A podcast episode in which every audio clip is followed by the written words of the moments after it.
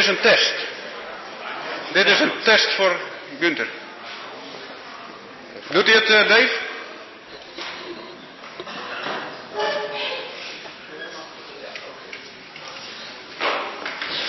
Dit is geen test, want uh, we gaan beginnen. Volgens mij is het 9 uur geweest. En uh, ja, hartelijk welkom allemaal op deze, ik moest even tellen, vierde Zeeuwse Bijbelstudieconferentie.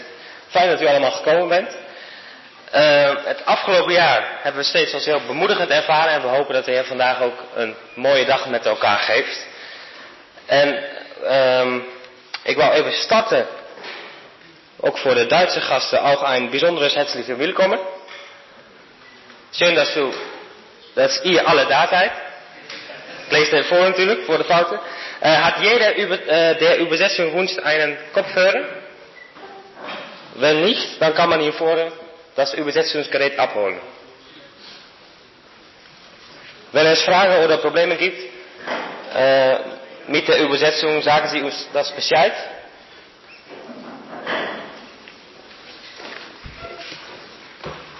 Even kijken.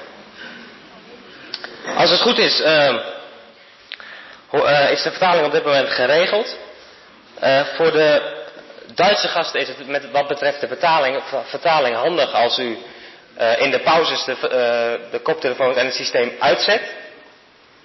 Zodat de vertalingssets de hele dag mee kunnen en niet al in de loop van de dag leeg zijn. Zegt u? Iedereen heeft een Duitse, heeft een Duitse setting. Niemand loopt naar voren, dus ja. Dit jaar zijn er ook weer veel nieuwe gezichten. Als u naar de aanmelding gekeken heeft, dan heeft u kunnen zien dat er veel nieuwe aanmeldingen zijn. En vandaar dat ik graag wil beginnen met een paar algemene opmerkingen. We zijn in deze kerk te gast. Het is niet ons eigen gebouw.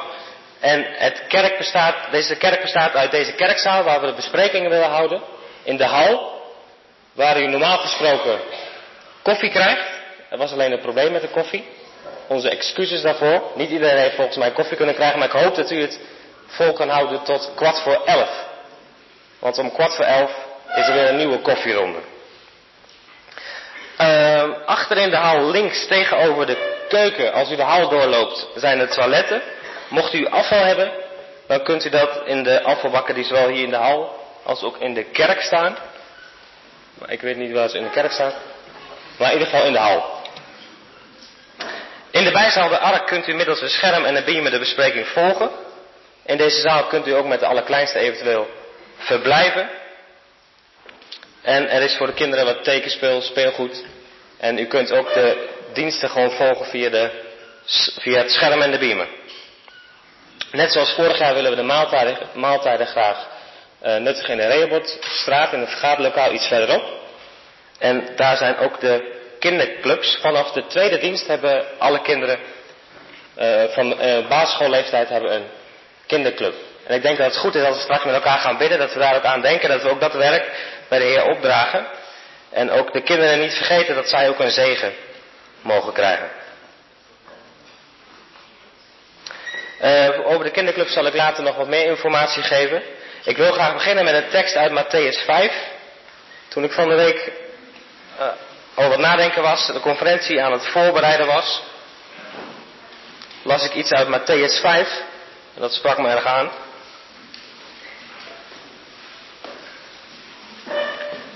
Eerste vers.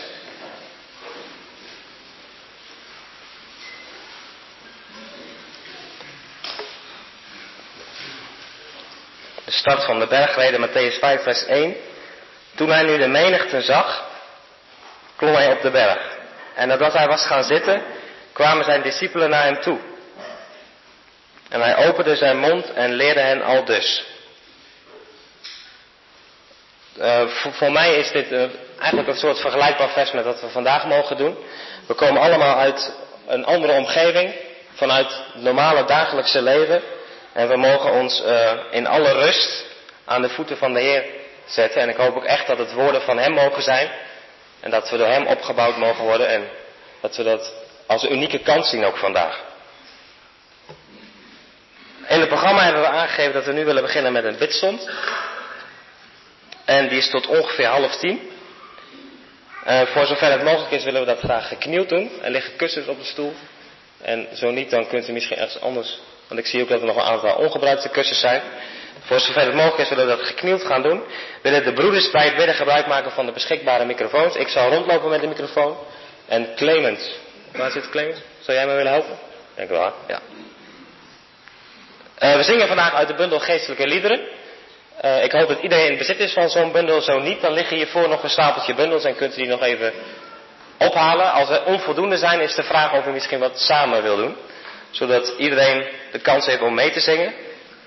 Ik denk dat het goed is dat we ook met elkaar zingen, dat het ook fijn is. En vandaar dat we willen voorstellen dat we eerst één of twee liederen met elkaar zingen. En dat we daarna aansluitend met elkaar gaan bidden.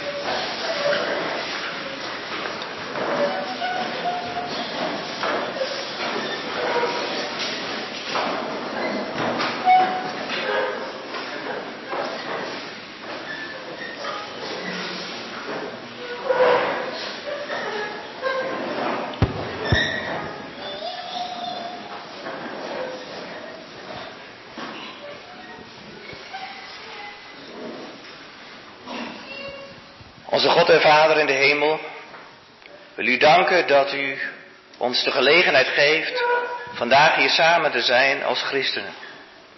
In vrijheid. En nu in 2015 beseffen we meer dan ooit dat dat een heel groot voorrecht is. Als we onze medebroeders en zusters denken in vele landen deze wereld die die vrijheid niet kennen. Heer, dat we ook vrij mogen worden in onze harten om het woord wat u voor ons hebt vandaag op te nemen. Dat we dat wat ons bezighoudt en ook kan afleiden, even kunnen laten rusten. En dat u door uw geest en door uw woord onze harten richt op de Heer Jezus. Ja, vader, want hij is een hele bijzondere persoon voor uw hart. En u wilt graag dat hij voor ons ook kostbaarder wordt. En daarvoor willen we bidden dat dat de uitwerking mag zijn van de besprekingen deze dag. Wilt u leiden, u vrijmoedigheid geven, zelfbeheersing waar nodig, Heer, opdat uw woord zo mag worden voorgesteld, dat we het allemaal mogen begrijpen en dat het ons geestelijk verder mag brengen, op een hoger niveau. Dat we de Heer Jezus mogen ervaren in onze harten vandaag, dat willen we u vragen. We danken u dat u bezig bent door uw woord en geest steeds weer, ook vandaag. En willen om uw rijke zegen vragen. Amen.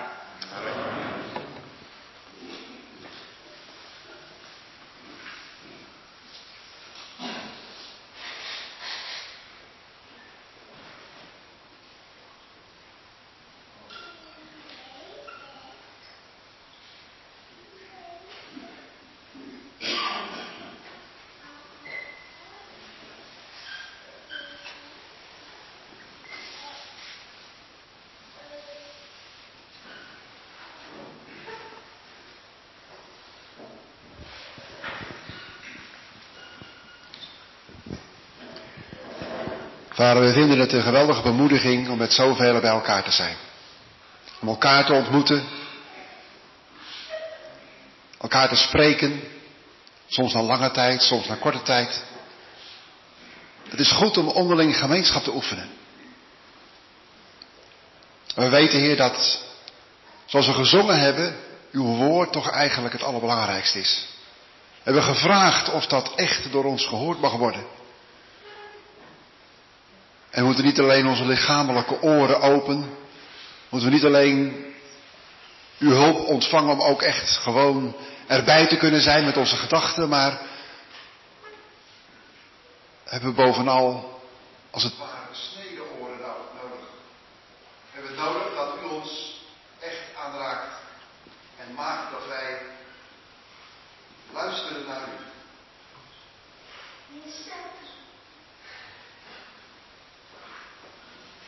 Dank u Heer dat u weet wat we nodig hebben. Dat u ons door en door kent. Dat u bij ons wilt zijn, Vader, en dat u werkelijk wil geven dat we ons hart openen voor wat u te zeggen hebt.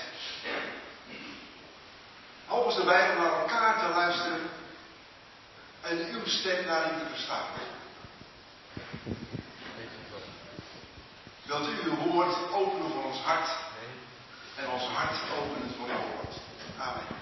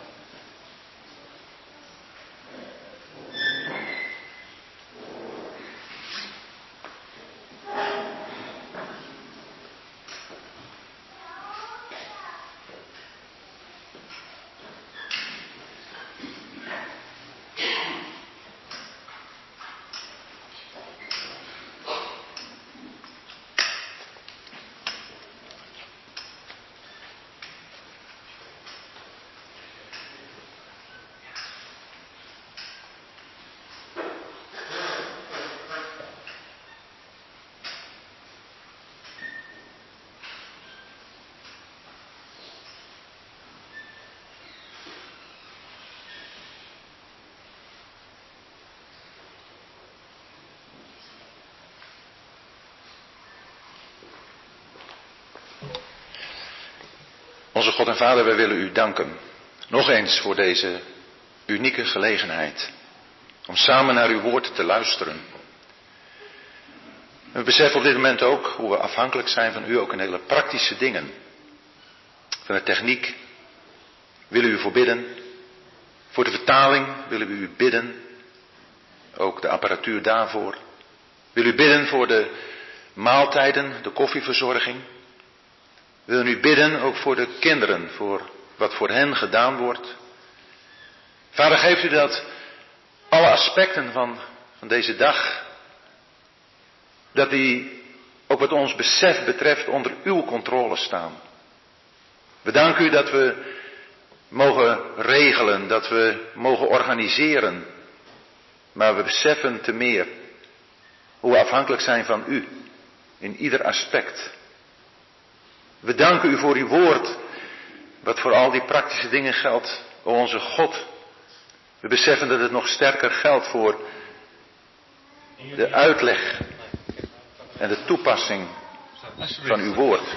Wilt u geven, dat bid u nog eens, dat door uw geest en door uw woord er deze dag een beslag gelegd mag worden op de harten en gewetens van ieder van ons. Dat het ook levensveranderend zal zijn. Daar waar verandering nodig is. En dat er ook toename zal zijn die altijd aanwezig is, mogelijk is. Bijzonder als we denken aan de gelovigen die zoveel eeuwen geleden hebben geleefd in Filippi. We danken u voor de actualiteit van uw woord. Dat nog net zo actueel is nu. Wilt u ons zo nabij zijn en geven dat ons hart. Nog eens bidden we u, Vader, en dat kunnen we niet genoeg doen. Dat ons hart gericht wordt op de Heer Jezus. We vertrouwen ons graag aan u toe. Amen. Amen.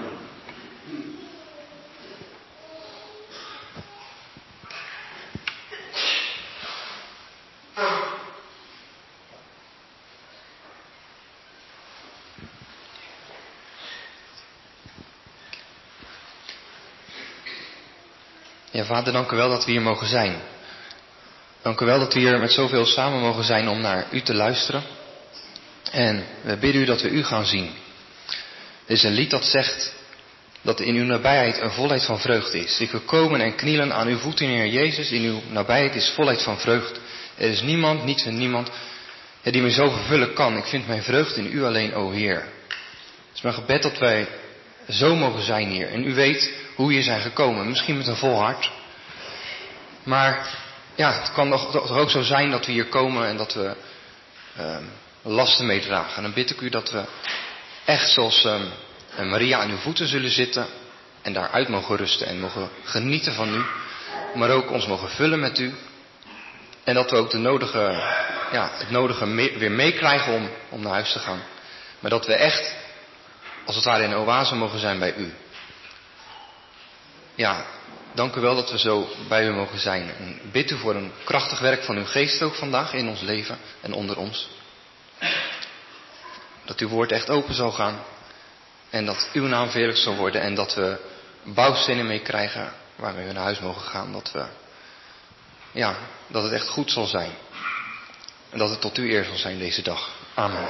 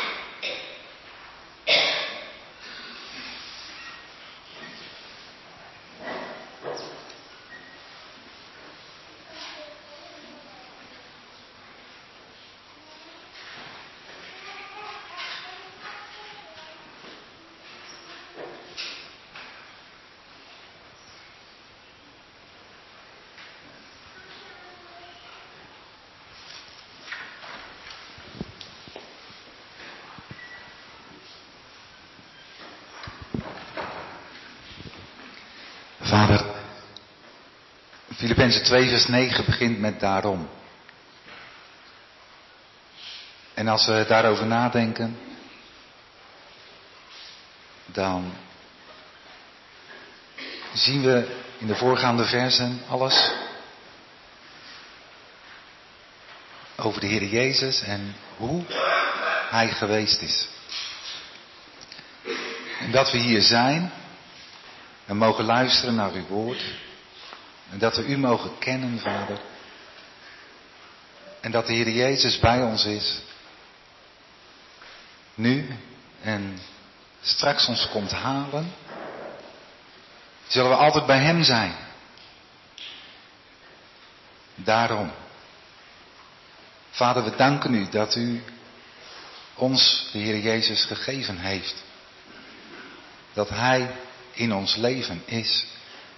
Dat we Hem mogen kennen. Vader, u heeft ons daarmee een heel groot geschenk gegeven. En we zijn er blij mee, omdat het ons rijk maakt. We staan in uw genade. We staan in uw liefde en we zijn dankbaar dat u ons dit geeft, ook vandaag. Vader, we willen tegen u zeggen, dank u wel dat u dit mogelijk maakt. Heer Jezus, dank u wel voor de daarom. Amen. Amen.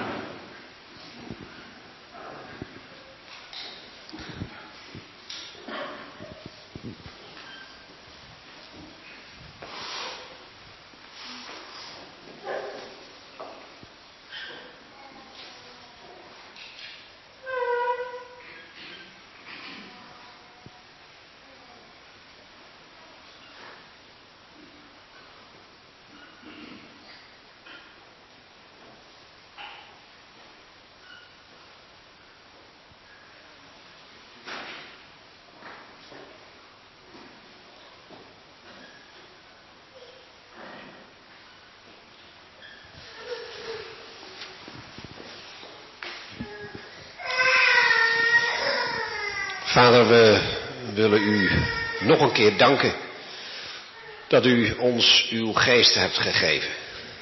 Zonder hem zouden we van uw woord niets begrijpen. Zouden we misschien verstandelijk kunnen nadenken over een interessant document uit de eerste eeuw. En ons afvragen wat allerlei woorden en zinnen betekenen en wat men er in die tijd van begrepen heeft. Maar zo willen we niet naar uw woord kijken. We weten dat uw woord levend en krachtig is, scherper dan enig tweesnijdend zwaard. Maar ook dat het de waarheid is. En dat uw geest niets liever wil dan dat we ook nu in deze tijd ons erdoor laten aanspreken. En dan bidden we u dat u door uw geest dat ook vandaag zult doen. Ons wilt helpen bij het begrijpen van uw woord. Bij het misschien af en toe daar iets over mogen doorgeven. We willen u wilt u geven dat allereerst ons hart mag worden aangesproken. En we danken u dat het uw woord is. Dat het ook uw woorden zijn die destijds de apostel heeft neergeschreven.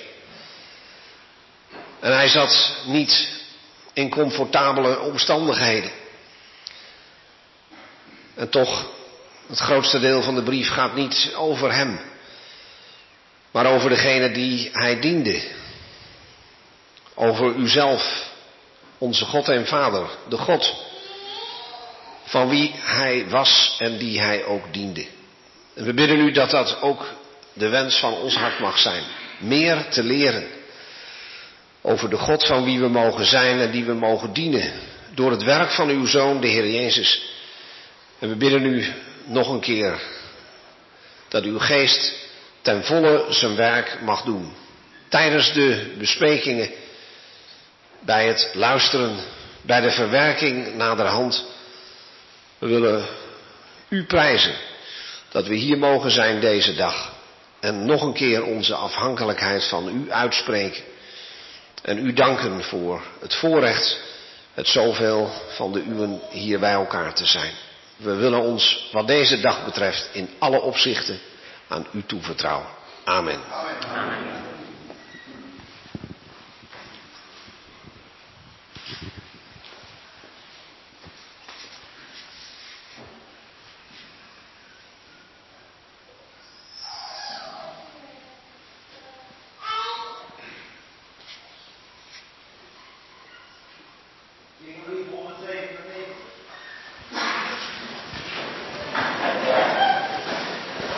Lied 197.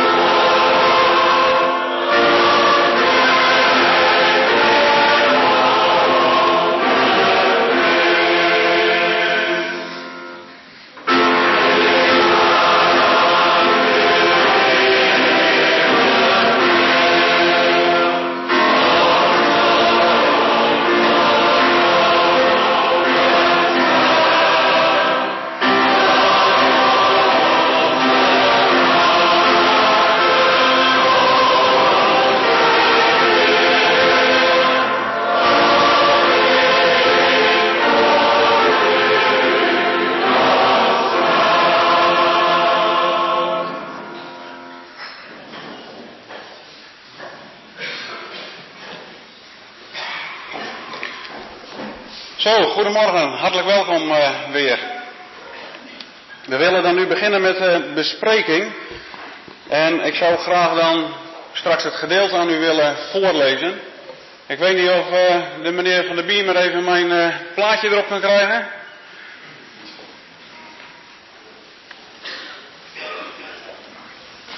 ik wil eigenlijk eerst even met jullie een korte terugblik naar wat we de voorgaande jaren zo wel een beetje hebben overdacht.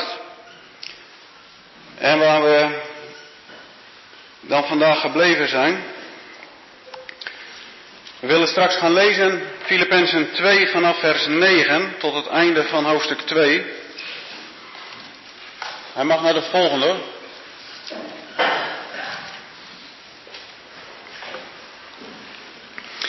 Maar we hebben er in onze gebeden al aan gedacht, hij mag nog een verder, dat eh, Paulus deze brief geschreven heeft niet in de meest ideale, onder de meest ideale omstandigheden. Paulus was gevangen en Paulus kreeg bezoek daar. Hij kreeg een gave en de brief is een, eigenlijk een bedankbrief voor de gave die hij ontvangen had van de gelovigen in Filippi.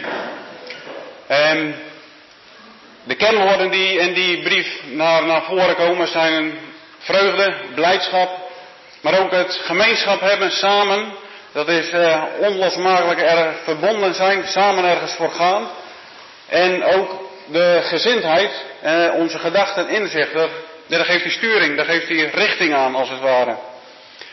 En de brief is eigenlijk dus niet een brief zoals we andere brieven van Paulus hebben waar hij een uiteenzetting geeft van een stuk leer of waarin hij bepaalde zaken moet rechtstellen en die ergens niet aan de orde zijn. Maar het is meer het delen van ervaring en ja, het is eh, zeg maar een brief over het normale christelijke leven. Um, ja hoor. We hebben um, door de voorgaande jaren aan gedacht dat we dat kunnen vergelijken ook met het boek Deuteronomium. Als uh, de, ja, dat wat daarop getekend staat, wat Mozes heeft uitgesproken naar het volk Israël. Hij mag één terug. Dat de, het volk vlak voor de binnenkomst van het land staat, in de velden van Moab. En waar Mozes hun dan herinnert aan hun woestijnreis. En misschien kunnen we eerst even naar Deuteronomium 8 toe.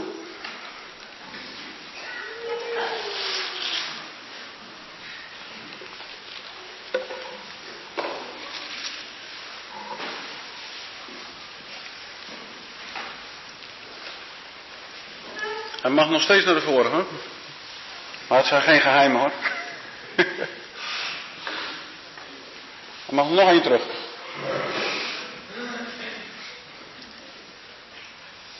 Dit is vooruit, achteruit. Ja. Ik geef alweer uh, mijn knipoog. Ja? Deuteronomium 8, daar houdt Mozes het volk Israël voor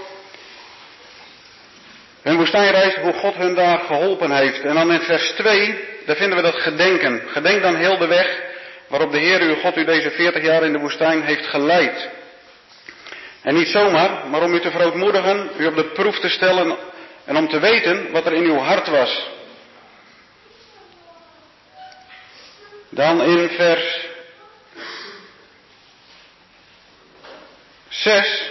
Onderhoud de geboden van de Heer uw God door in zijn wegen te wandelen en hem te vrezen, want de Heer uw God brengt u in een goed land, een land van beken, bronnen en wateren, die in dalen en op bergen ontspringen. En wat is dan uiteindelijk het doel? In vers 10. Gij zult eten en verzadigd worden en de Heer uw God prijzen om het goede land dat hij u gaf. Dus we zien hier dat Mozes ons in de geschiedenis aan het volk Israël, wat Paulus hier ook doet in de brief aan de Filippenzen, ons voorhoudt dat we de woestijnreizen waar we hier op uh, aarde mee te maken hebben, dat dat God erom te doen is, dat wij ons eigen hart leren kennen, dat we mogen leren dat we van God afhankelijk zijn en dat we daardoor God gaan prijzen. In uiteraard niet alleen hier, maar straks ook in het hemelse land, wat straks, wat hier ook voorgesteld wordt als het beloofde land, het land Canaan, wat dus daadwerkelijk ook voor het volk Israël gold toen de tijd. Maar we hebben de brief dus besproken, Filippenzen, en daar ook een onderverdeling in opgemerkt. En dan mogen we naar de volgende sheet. Dankjewel Hans. Daar hebben we eigenlijk een onderverdeling gezien in hoofdstuk 1, waar het gaat om Christus, mijn leven. In hoofdstuk 2 dat Christus als voorbeeld wordt voorgesteld, waar we vandaag aan zullen denken, waar we vorig jaar al mee begonnen zijn. Hoofdstuk 3, Christus als doel wordt voorgesteld. En hoofdstuk 4, mijn kracht. Waar we al aan gedacht hebben, is dat Paulus de brief schrijft in een omstandigheden die verre van ideaal zijn, maar dat hij toch de Filippiërs wijst op blijdschap. Maar hij wijst hun er ook op hoe die blijdschap afgeroofd kan worden, hoe die blijdschap hun ontnomen kan worden en wat ze daaraan kunnen doen. Het gaat om onze motivatie, van waar leven we voor? Wat is inderdaad zeg maar het doel en wat is onze bestemming en waar putten we onze kracht uit waar we hier op aarde mee bezig zijn. In hoofdstuk 1 zien we dan inderdaad dat Paulus ons erop wijst dat we Christus moeten grootmaken. In hoofdstuk 2 dat we moeten denken zoals Christus. En in hoofdstuk 3 dat we met onze bestemming rekening moeten houden met de hemelse roeping, de prijs van die hemelse roeping die voor ons ligt. En hoofdstuk 4 dat dat alleen maar kan en de kracht van de Heer Jezus. Die dingen die ons daarvan af kunnen houden, daar wijst hij ons ook op. Dat zijn de omstandigheden waar hij zelf mee te maken heeft. Mensen die hem wat aandoen in hoofdstuk 1. Maar ook de mensen in het algemeen, in de relaties. Dan hebben we te maken met die gezindheid, hoofdstuk 2. En de aardse zaken, waar we ons ook door kunnen laten afleiden. Dat we moeten leren om geestelijke, ja, onze geestelijke antenne uit te hebben en geestelijk te denken. En uiteraard de zorgen die hij in hoofdstuk 4 uh, behandelt. Dat is wel bekende vers. Ik stel voor dat we dan nu eerst gaan lezen vanaf hoofdstuk, of hoofdstuk 2 vanaf vers 9. Uit de brief van de Filippiërs. Hoofdstuk 2 vers 9. Daarom heeft God, ook, heeft God hem ook uitermate verhoogd en hem de naam geschonken die boven alle naam is. Opdat in de naam van Jezus elke knie zich buigt van hen die in de hemel en die op de aarde en die onder de aarde zijn. En elke tong beleidt dat Jezus Christus Heer is, tot heerlijkheid van God de Vader. Daarom, mijn geliefden, zoals u altijd gehoorzaam bent, niet alleen zoals in mijn aanwezigheid, maar nu veel meer in mijn afwezigheid, bewerkt uw eigen behoudenis met vrees en beven. Want het is God die in u werkt, zowel het willen als het werken, om zijn welbehagen. Doet alles zonder mopperen en tegenspreken, opdat u onberispelijk en rein bent, onbesproken kinderen van God, te midden van een krom en verdraaid geslacht, waaronder u schijnt als lichten in de wereld, terwijl u het woord van het leven vertoont, mij tot roem tegen de dag van Christus, dat ik niet te vergeefs gelopen of te vergeefs gearbeid heb, maar ook al word ik als een drankoffer uitgegoten over de offerande en bediening van uw geloof, dan verblijd ik mij en ik verblijd mij met u allen, en u evenzo, verblijd u en verblijd u met mij. Maar ik hoop in de Heer Jezus Timotheus spoedig naar u toe te zenden, opdat ook ik welgemoed mag zijn als ik uw omstandigheden weet. Want ik heb niemand van gelijke gezindheid als hij, die zo trouw uw belangen zal behartigen, want allen zoeken hun eigen belang, niet dat van Jezus Christus. En u kent zijn beproefdheid, dat hij, zoals een kind zijn vader, met mij in het evangelie heeft gediend. Hem nu hoop ik onmiddellijk te zenden, zodra ik mijn omstandigheden heb overzien. Maar ik vertrouw in de Heer dat ik ook zelf spoedig zal komen. Maar ik vond het nodig, Epaphroditus, mijn broeder en medearbeider en medestrijder, maar uw gezant en bedienaar in mijn, bedroef, in mijn behoefte naar u toe te zenden, daar hij zeer naar u allen verlangde en verontrust was, omdat u had gehoord dat hij ziek was. Want hij is ook ziek geweest, de dood nabij. Maar God heeft zich over hem erbarmd, en niet alleen over hem, maar ook over mij, opdat ik niet droefheid op droefheid had. Daarom hem, heb ik hem des te meer, daarom heb ik hem met des te meer spoed gezonden, opdat u, als u hem ziet, zich weer verblijdt en ik minder bedroefd ben. Ontvang hem dan in de Heer met alle blijdschap en houd zulke mannen in ere, want om het werk van Christus is hij de dood nabij gekomen, doordat hij zijn leven heeft gewaagd om aan te vullen wat aan uw dienstbetoon jegens mij ontbrak. We hebben er in het gebed al aan gedacht dat dit gedeelte begint met het woordje daarom. De Heer Jezus heeft in de voorgaande versen, wat we ook vorig jaar al gezien hebben, een gezindheid getoond die God heeft beloond. God heeft hem verhoogd, uitermate verhoogd, op datgene wat hij heeft gedaan. Niet zomaar slaafs, maar doelbewust. En hij is doelbewust, is hij die weg van vernedering gegaan, maar hij heeft er niet doelbewust voor gekozen om verhoogd te willen worden, maar dat is als een beloning op zijn werk, heeft hij dat mogen ontvangen. Je zou het uh, haast kunnen vergelijken met een thermostaat en een thermometer. Een thermometer geeft uiteraard de temperatuur aan en ik hoop dat deze dag mag bijdragen dat onze innerlijke thermometers, dat die mogen gaan, ja, dat die opgewarmd mogen worden. Dat die inderdaad, ja, dat, dat, dat dat vuur wat erin ons zit, dat dat mag blijven of dat dat aangewakkerd mag worden. Andere kant heb je ook thermostaten. Een thermostaat geeft de temperatuur aan. En misschien mag het wel zo zijn dat ook deze dag mag bijdragen dat we als een thermostaat mogen gaan functioneren naar de mensen om ons heen. Dat we mensen kunnen gaan warm maken voor Christus. En dat we op die manier niet zomaar ons eigen, ja, ons afmeten aan onze eigen ervaringen, maar dat we doelbewust Christus voor ogen mogen houden. En dat we doelbewust Hem mogen laten zien, zoals dat ook al is geschreven in vers 15, dat we mogen schijnen als lichten in de wereld, maar dat dat ook mag gelden voor ons onder elkaar.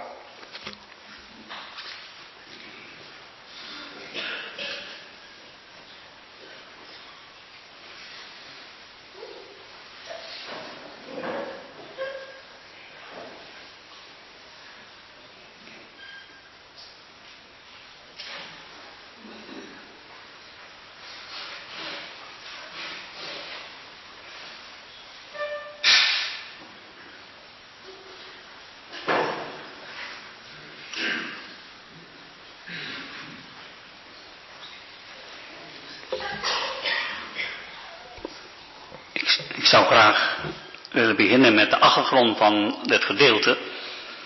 Want het gedeelte wat we met elkaar hebben overdacht is niet, niet alleen maar een vaag of zweverig gedeelte, alleen maar bestemd voor speciale christenen die zich kunnen bezighouden met hemelse dingen. Maar het gedeelte is hier uiterst praktisch. Trouwens, christenheid kent geen theoretische christelijk leven. Het is allemaal praktisch voor het christelijk leven. Het is een gedeelte dat in verband staat met de woorden in vers 5. Want die gezindheid zij in u. Met andere woorden, de schilderij die, die we hier vinden van het leven, gezindheid van de Heer Jezus is een voorbeeld voor de gelovigen. En daarmee geeft Filippi 2 een voorbeeld aan ons van wat dat is om, maar in Filippi 1 heeft Paulus gezegd, voor mij is het leven Christus. Wij zouden de vraag stellen, maar Paulus, je leven is Christus, hoe ziet dat eruit in de praktijk? Nou, Filippi 2 is daar een voorbeeld van. Misschien kun je het beginsel van het christelijk leven naar voren brengen zoals in de Korinthebrief staat. 2 Korinthe 3.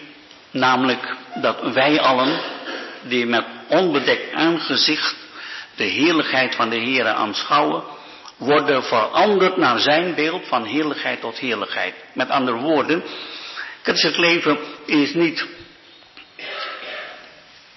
maar een, rij van regels, verboden, geboden. Maar het is het richten op de persoon van de Heer Jezus en veranderd worden naar zijn beeld.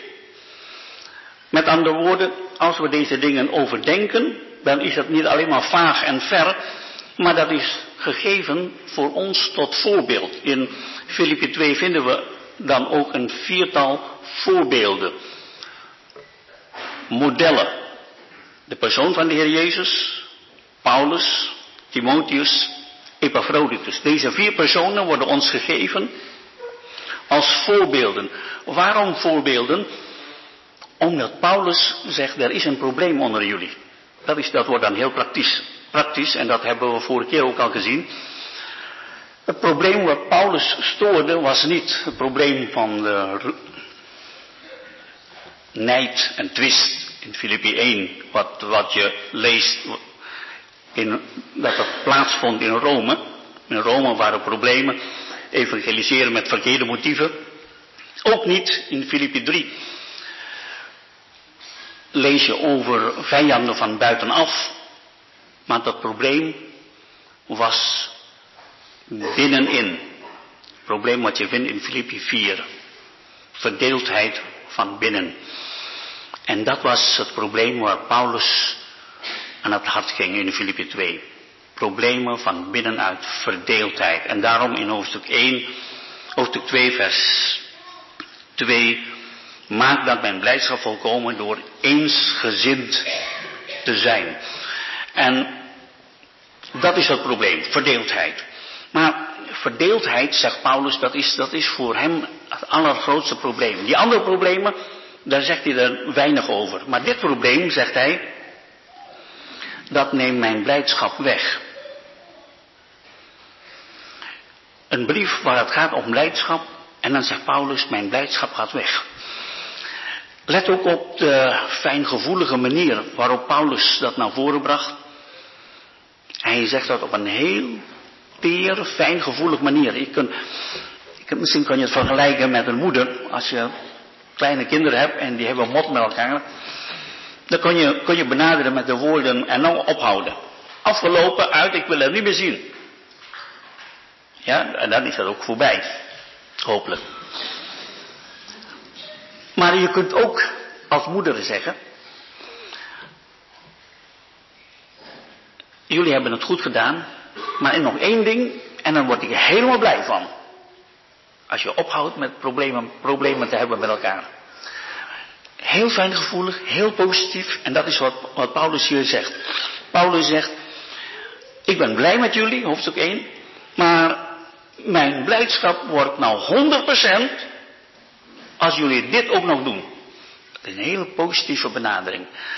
En dan zegt hij, weet je wat ik, wat ik graag wil hebben? Dat jullie veranderd wordt naar de gezindheid van de Heer Jezus. En dan krijg je het schilderij van de persoon van de Heer Jezus in vers 6 tot en met 11. Die weg die hij bewandeld heeft van kruis naar kroon. De weg naar de heerlijkheid. En dan zegt, zegt Paulus, maar dat is wat de Heer Jezus, wat wij willen zien in jullie leven. Diezelfde gezindheid. En, en in die zin is dat een les, denk ik, van alle eeuwen. Christelijk leven is niet een stel van allemaal regels. Christelijk leven is niet een oplossing alleen aan de buitenkant, van met een aantal regels oplossen dat de problemen organisatorisch opgelost zijn. Maar Paulus, als een kundig heelmeester, die zegt, het probleem zit van binnenuit. Je gezindheid is niet in orde. Je verhouding met de Heer Jezus is niet in orde. En zorg dat dat in orde komt. Kijk naar de persoon van de Heer Jezus. Word veranderd naar zijn beeld. Leer van mij, want hij is nederig en zachtmoedig.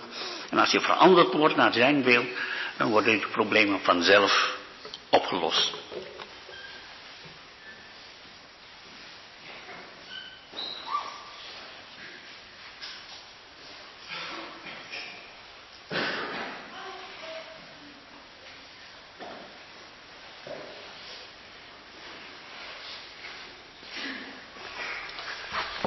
Als we dan kijken naar wat we in vers 9 vinden, dat daarom, dan heb ik het gevoel dat er een paar dingen missen.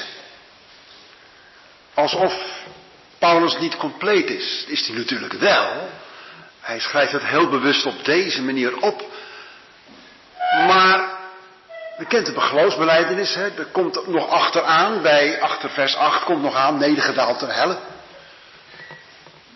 En, en we, hebben nog wat meer dingen die, eh, die we niet zien. We hebben het niet tussen vers 8 en 9 over het graf. Niet over de opstanding zelfs.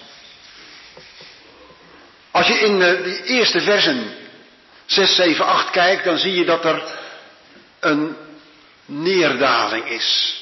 Stapsgewijs. In vers 9 zien we dat niet. Er, er zijn geen stappen meer te zetten.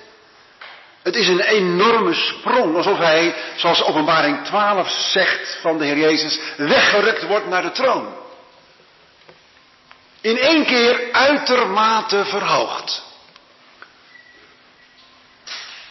Dat zegt twee dingen. In de eerste plaats, wat is het echte dieptepunt?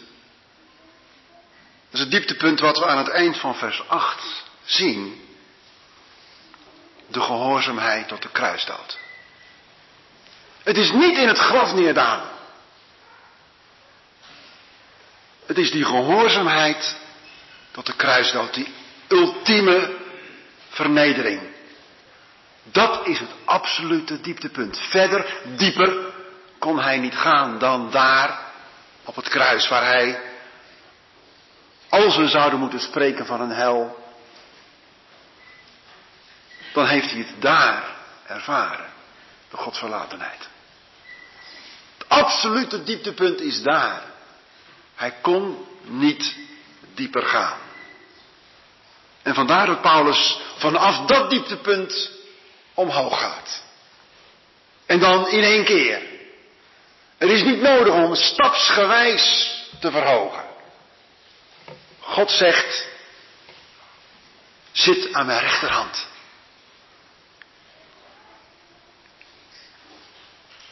Niet sta eerst op met de dood enzovoorts, maar alles in één keer staat hier.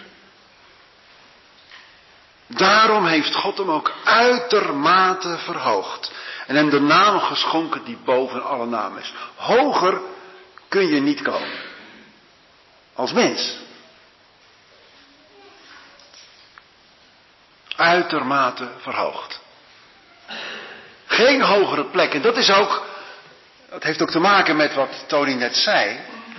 Als we kijken naar de Heer Jezus, dan is het ook belangrijk dat we zien dat er één iemand is die boven allen staat. Dat is de Heer Jezus. Eén mens naar wie we kunnen opzien. Eén iemand die in ons hart de eerste plaats moet innemen. Als God hem daar plaatst. Uitermate verhoogd. Wat zullen wij dan doen? Ze kunnen niets anders doen dan het beamen. Boven alle naam is hij geplaatst. Er zijn natuurlijk veel mensen die dan ook hebben nagedacht over wat voor naam is dat dan, die naam boven alle naam. Ik denk gewoon de naam Jezus. Namelijk de naam die God verhoogd heeft. God heeft hem die naam gegeven, namelijk heeft hem verhoogd boven alle anderen. Zoals dat destijds met Mordechai ook gebeurde. Mordechai kreeg geen andere naam toen hij vlak onder de koning kwam, onder Ahasveros kwam. Hij kreeg geen andere naam, maar zijn naam werd boven alle anderen gezet. We hebben geen nieuwe naam nodig voor de Heer Jezus. We hebben alleen maar nodig dat we hem de plaats geven, de positie geven die hem toekomt. Hem uitermate verhogen. In ons eigen hart, net zoals God dat eigenlijk al gedaan heeft. Er is, hij kijkt Paulus als het ware alsof het allemaal, alles al achter de rug is. Straks, er komt nog meer in vers, vers 10 en 11, daar komen we straks nog op terug. Maar dit God heeft hem al de hoogste plaats gegeven. En zo moet het ook in ons hart zijn.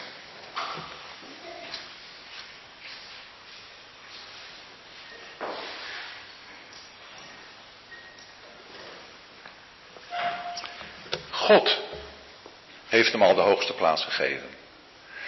Ik denk dat dat iets aangeeft van het enthousiasme wat hier uit dit vers spreekt. Daarom heeft God hem die plaats gegeven. God heeft met een onuitsprekelijk welgevallen naar zijn zoon gekeken. In die hele weg van vernedering tot op het diepste punt. En dan daarom heeft God hem die plaats gegeven. God heeft hem inderdaad uit de dood direct die hoge plaats gegeven. De Heer Jezus spreekt daarover in Johannes 13.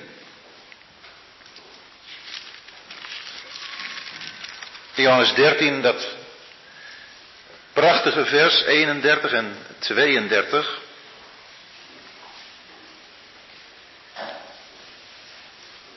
Toen hij dan naar buiten was gegaan, Judas, zei Jezus, nu is de zoon des mensen verheerlijkt. En God is in hem verheerlijkt. Als God in hem verheerlijkt is, zal God hem ook in zichzelf verheerlijken en hij zal hem terstond verheerlijken. Gaat geen tijd overheen, gaan geen fasen overheen, het gebeurt terstond. En dat aspect van dat onuitsprekelijk welgevallen van God, daarom heeft God hem ook verhoogd. Dat is denk ik ook een heel belangrijke achtergrond om ook deze versen verder op ons toe te passen. Het gaat om het welgevallen van God in zijn leven. Maar zoals gezegd, hij is het voorbeeld. Het gaat om het welgevallen van God in ons leven. En wanneer ziet God met welgevallen op ons? Als hij de Heer Jezus in ons herkent. Als die gezindheid in ons zichtbaar wordt. Wie zichzelf vernedert, die zal worden verhoogd. En dat is wat met de Heer Jezus gebeurd is. Maar als voorbeeld. Voor ons, voor u, voor jou en mij. Opdat het ook met ons zou kunnen gebeuren. Niet om ons. Maar om het onuitsprekelijk welgevallen van God. In zijn Zoon. Jezus Christus.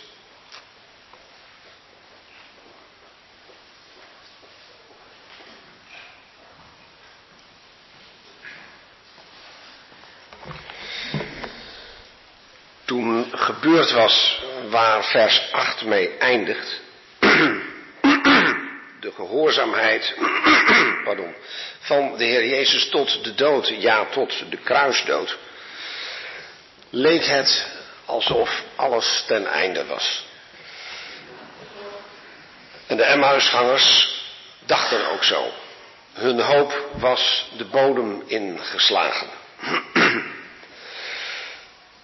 Maar God keek daar anders tegenaan. Bekende vers uit Hebreeën 2 zegt dat de Heer Jezus juist vanwege het lijden van de dood met heerlijkheid en eer gekroond is. God zag in zijn kruisdood aanleiding hem te verhogen, ja zelfs uitermate te verhogen. Dat woord uitermate is hetzelfde woord als het woord boven, dat in verbinding staat met die naam die hem gegeven is boven alle naam. En daarom zou ik de suggestie van broeder Kees Viegen toch nog iets willen uitbreiden. De naam Jezus kreeg de Heer Jezus van Maria, omdat voor zijn geboorte al gezegd werd dat hij die naam moest krijgen. Die naam heeft hij dus niet gekregen na, maar voorafgaand aan zijn verheerlijking. Maar die naam is hij nooit kwijtgeraakt. Die heeft hij gehouden. Maar hij is inmiddels wel verheerlijkt. Zoals de Heer Jezus het ook gevraagd heeft in Johannes 17. Verheerlijk mij met de heerlijkheid die ik bij u had voordat de wereld was. En die heerlijkheid kreeg hij toen als mens. Maar ook daarbij, als tweede, die naam dus uitermate verhoogd. Dat is het eerste wat afhangt van het woordje daarom. En ten tweede heeft God hem iets gegeven. Een naam die boven alle naam is. En als dat in verbinding staat met de verheerlijking, dan lijkt het me niet vreemd te denken dat dat ook hoorbaar moet zijn in de naam die hem toen gegeven is. En natuurlijk, de naam Jezus heeft hij behouden. Yahweh red. En de Heer heeft dat zelf gedemonstreerd dat dat zo is. Maar hij is ook tot Heer en tot Christus gesteld. En zou ik niet daarom in uw midden de suggestie mogen doen dat de naam die hem gegeven is, de naam Heer Jezus Christus is, zoals ook in vers 11 staat. Dat is degene die door elke tong moet worden beleden dat Jezus Christus Heer is, tot heerlijkheid van God de Vader. Ik wil natuurlijk niet vooruitlopen naar vers 10 en 11. Maar als we over Hem spreken, die uitermate verheerlijkt is, die boven verheerlijkt is, dan past daarbij ook een naam die uitgaat boven de naam die hij droeg toen hij op aarde was. En die prachtige naam die behield hij. Maar nu was hij gesteld tot Heer en tot Christus. Onze Heer Jezus Christus. Geprezen zij zijn naam.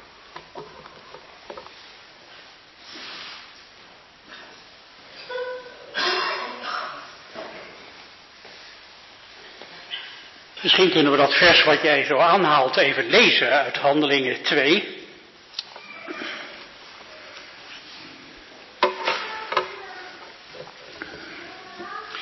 In Handelingen 2 vers 36 wordt dat gezegd door Petrus op de Pinksterdag.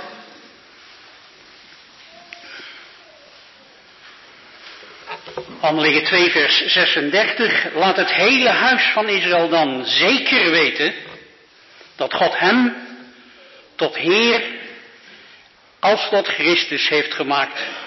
Deze Jezus die u hebt gekruisigd. Dus inderdaad, Jezus spreekt van zijn vernedering hier op aarde, het kruis. En het feit dat hij Heer en Christus is, spreekt van zijn verhoging. Dan wil ik het woord Christus even uitwerken. Christus betekent gezalfde. En hier op aarde was de Heer Jezus Christus. Maar als profeet. Als profeet is hij de gezalfde geweest. Is de Heilige Geest op hem neergekomen en is hij de wereld doorgegaan om te verkondigen. Maar we weten uit de Hebreeënbrief dat hij nooit als priester gezalfd is geweest hier op aarde. En we weten dat als het gaat om het feit dat hij Heer was, nou ja, dat ook niet zo helemaal goed was. Hey, Pilatus die vraagt hem aan hem of hij de koning is. Nou ja, mijn koningschap is niet van deze aarde, maar van de hemel. Maar toen de Heer Jezus in de hemel kwam, heeft God hem gezalfd. Gezalfd tot koning en tot priester. En dat is duidelijk als je ook het vorige vers leest, namelijk vers 34.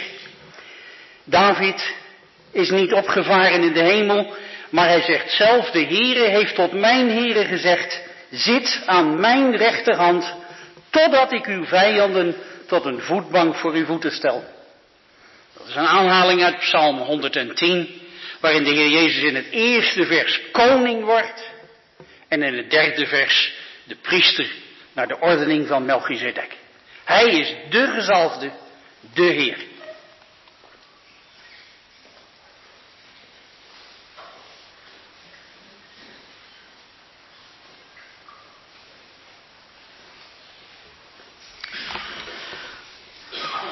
Wij hebben deze geweldige contrast hier voor ons. Daarom, daarvoor hebben wij zijn gehoorzaamheid gezien tot in de dood.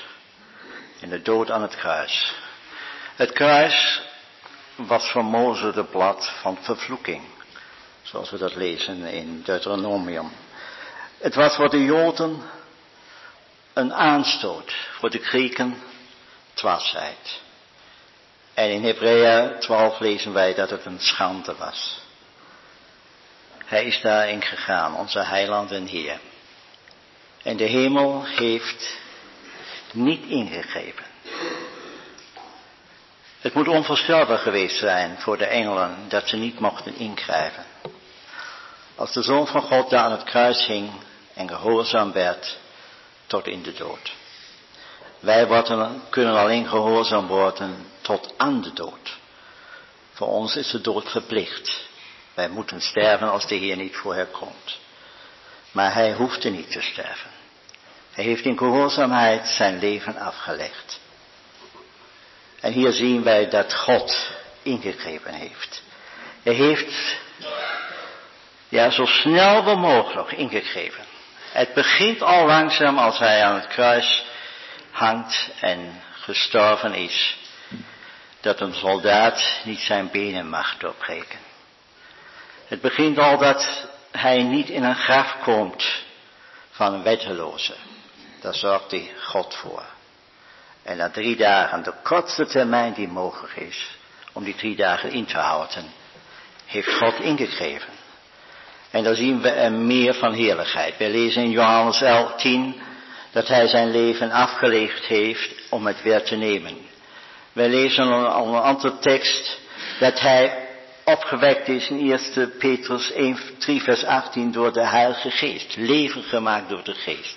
Romeinen 6 dat hij opgewekt door de heerlijkheid van de Vader. Is dat niet geweldig? Daarom.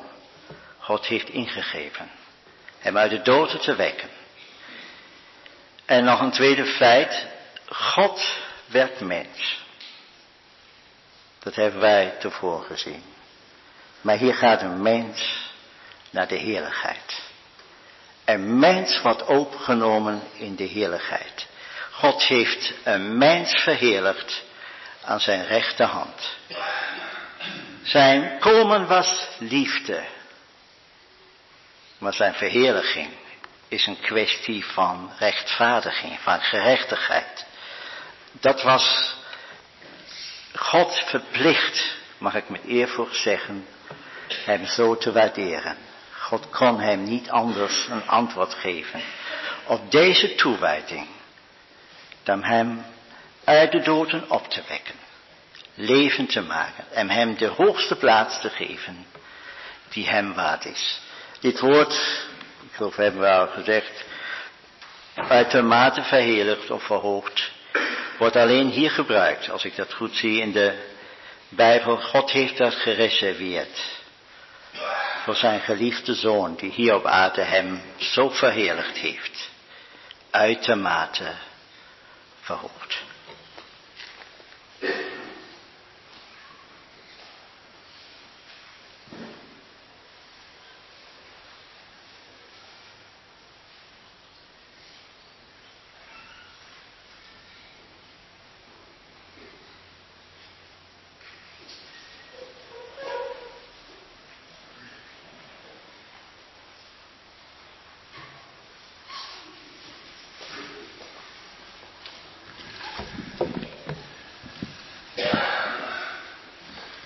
Der erste Mensch ist in Sünde gefallen. De eerste mens is in de zonde gevallen.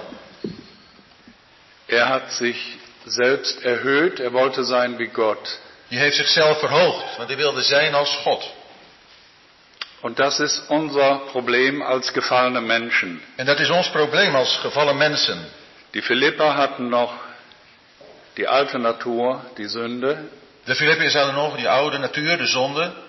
Wir haben sie auch. Die hebben wij ook. Und es zeigt sich vor allem darin, dass wir uns selbst wichtig nehmen und erhöhen.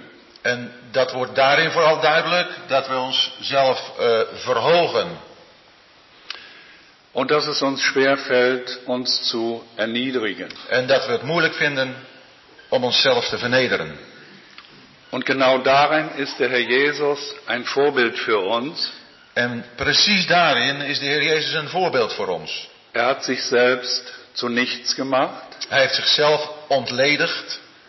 Und er hat sich erniedrigt, selbst erniedrigt, indem er gehorsam wurde. En hij is, heeft zichzelf vernederd en is gehoorzaam geworden. Aber der Herr Jesus hat sich nicht erhöht. Maar de Heer Jezus heeft niet zichzelf verhoogd. Er hat den allerniedrigsten Platz eingenommen. Hij heeft de allernederigste plaats ingenomen. Und weil er das getan hat, hat jemand anders ihn erhöht. En omdat hij dat heeft gedaan, heeft iemand anders hem verhoogd. Und das ist Gott. En dat is God. Und das mussten die Philipper lernen. En dat moesten de Filippiërs leren. Daher kommen alle Probleme in den Gemeinden. Daar vandaan komen alle problemen in de gemeenten. Und diese Probleme kennen wir auch. En deze problemen kennen wij ook. Und hier ist die Lösung. En hier hebben we de oplossing. Der Herr Jesus ist unser Vorbild. De Heer Jezus is ons voorbeeld. Und darin wollen wir ihm folgen. En daarin willen wij hem navolgen. Deshalb ist es uns eine große Freude, dass wir jetzt schon unsere Knie vor ihm beugen können. Daarom is het voor ons een, een grote blijdschap dat wij nu al onze knieën voor hem mogen buigen. Und dass ein Augenblick kommt, wo alle Menschen das tun werden. En dat er een ogenblik komt dat alle mensen dat zullen doen. Glücklich die, die es freiwillig tun in ihrem Leben. Gelukkig zij die het vrijwillig doen in hun leven. Alle anderen wird Gott zwingen. Alle anderen zullen door God daartoe gedwongen worden. Und wir freuen uns auf den Augenblick, wo sich alle himmlischen und irdischen und unterirdischen vor ihm beugen. En wij verheugen ons op het moment dat allen die in de hemel en op de aarde en onder de aarde zijn voor hem zullen buigen. Die nicht gefallenen Engel tun es heute schon. De niet gevallen engelen doen dat vandaag, nu al. Alle, die einmal auf der Erde gelebt haben, werden es tun. Allen die eens op aarde hebben geleefd, zullen het doen. Und die Unterirdischen, das sind nach meinem Verständnis die Ungläubigen, die gestorben sind. En die onder de aarde zijn, dat zijn, voor zover ik dat zie, die gestorven zijn, de ongelovige gestorvenen. Sie, ihr Leib ist jetzt noch in der Erde, Hun lichaam is nog in de aarde, aber sie alle werden auferweckt maar ze zullen allen opgewekt worden. und alle werden Christus Ehre geben. En ze zullen allen Christus eer geven. Das ist Gottes Antwort. Er wird das bewirken, weil der Herr Jesus sich so erniedrigt hat und zu nichts gemacht hat. Dat zal God bewerken als antwoord op wat de Heer Jezus gedaan heeft, omdat hij zichzelf heeft ontledigd.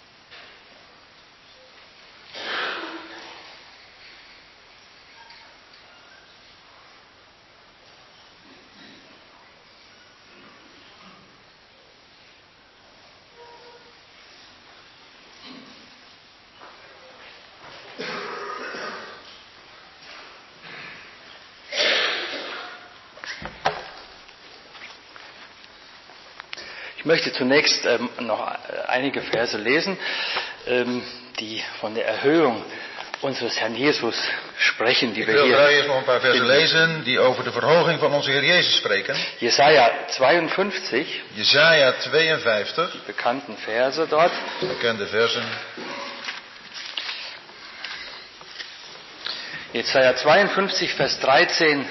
Jesaja 52, vers 13. Da sagt der Prophet, siehe, mein Knecht wird einsichtig handeln, er wird erhoben und erhöht werden und sehr hoch sein. Ja. Hier wird es auf dreifache Weise gesagt. Erhoben, erhöht, sehr hoch. Het wordt hier op drievoudige wijze gezegd. Verhoogd worden, verheven, ja zeer hoog verheven. In Markus, im Markus-Evangelium, In het evangelie naar Marcus, 16. Kapitel, Markus 16, Marcus 16, Da finden wir einen Teil davon. Markus 16, Vers 6. Marcus 16, vers Vers 6. Vers Vers 6, sechs. 6. Da sagt der Jüngling im weißen Kleid, er, ihr suchet Jesum, den Nazarener, den Gekreuzigten. Er ist nicht hier, er ist auferstanden. Und im 19. Vers en dan in vers 19. wird gesagt, dass der Herr Jesus, der nun auferstandene Herr, sich selbst gesetzt hat, Vers 19 in der Mitte, und er setzte sich zur Rechten Gottes. Das ist die Auferstehung. Das ist- Auferstanden aus der, aus der Tiefe des Grabes. Dat is de opstanding. Opgestaan uit de diepten van het graf. Gesetzt zur Rechten Gottes. En gezet, ging zitten aan de rechterhand van God. Auf diesem Platz der Höhe, auf diesem Platz der Ehre. Op deze plaats van hoogte en van eer. Im Hebräerbrief finden wir einen Ausdruck, In de brief aan de Hebreeën vinden we een uitdrukking.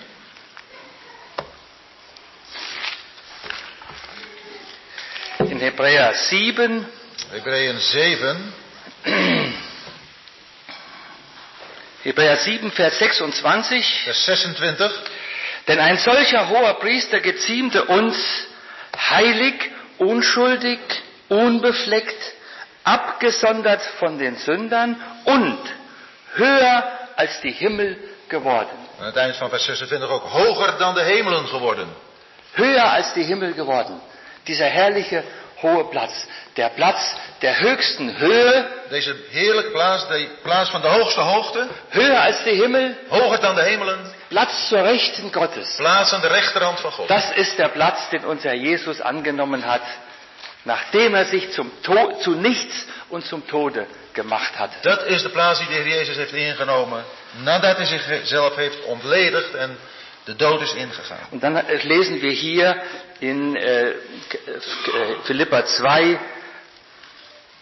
von Vers 10, äh, Vers, Vers 9. Darum hat Gott ihn auch hoch erhoben und ihm einen Namen gegeben, der über jedem Namen ist, auf dass in dem Namen Jesu jedes Knie sich beuge. Dieser Herr Jesus, der in den Tod gegangen ist. Deze Heer Jezus, die in de dood is gegaan. Und so hoch erhoben worden En zo hoog verhoogd is. In diesem Namen, Jesus. In deze naam, Jesus, der Verachtete. De verachte. Jesus, der Gestorbene. Jezus, Jesus, de der Gekreuzigte. Jezus de gekruisigde. In diesem Namen wird Gott jedes Knie sich vor ihm beugen lassen. En in deze naam zal God iedere knie zich voor hem laten buigen. Nicht in dem Namen Herr der Herren, König der Könige. Niet in de naam Heer der Heren, Koning der Koningen. Sondern in dem Namen Jesu. Maar in de naam Jezus. Dann wird jeder einmal daran erinnert werden, dass Jesus einmal der Verachtete und der Gestorbene, der Sündenträger gewesen ist. Dan zal iedereen eraan herinnerd worden dat deze Jezus eenmaal de verachte en de zondendrager geweest is. Auch die nicht glauben wollen, müssen ihn einmal so sehen. Ook die niet willen geloven zullen hem eenmaal zo zien. Da ist einer gewesen, der für mich gestorben ist. Er is iemand geweest die is gestorven. Den ich hätte annehmen können freiwillig. En die ik had kunnen aannemen, vrijwillig. Nun muss ich es tun als Pflicht. Nu moet ik het verplicht doen.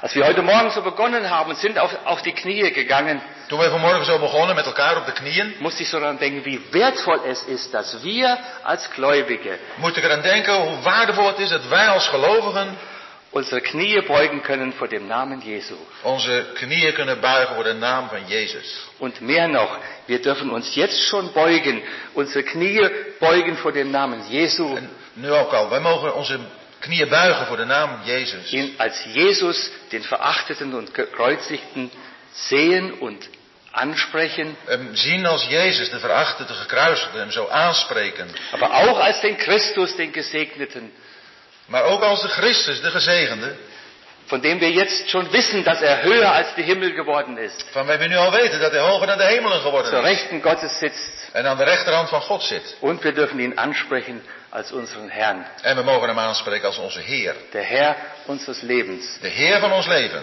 dem wir folgen dürfen Die we mogen volgen. und dem wir auch unser ganzes Leben, En die we ook ons hele leven, die großen Dinge und die kleinen Dinge grote anvertrauen dürfen. de dingen en de kleine dingen mogen we hem toevertrouwen. Lasst uns diesen Wert, den wir haben, vor ihm unsere Knie beugen zu dürfen, Dat, dat toch die, die waarde die we in hem zien, dat we voor hem onze knieën buigen. auch wirklich hoch und als das Höchste, was wir haben, einschätzen. En dat we dat ook als het hoogste, het, het geweldigste schatten, waarderen. Das ist außerordentlich wertvoll.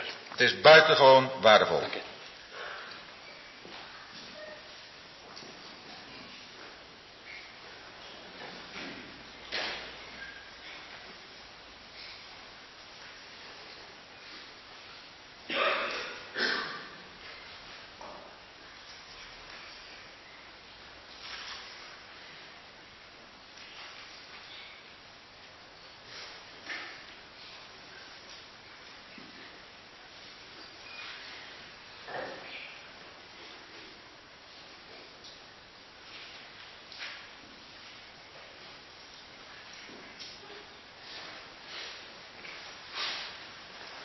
Misschien mag ik nog een tekst lezen uit Efeze 1.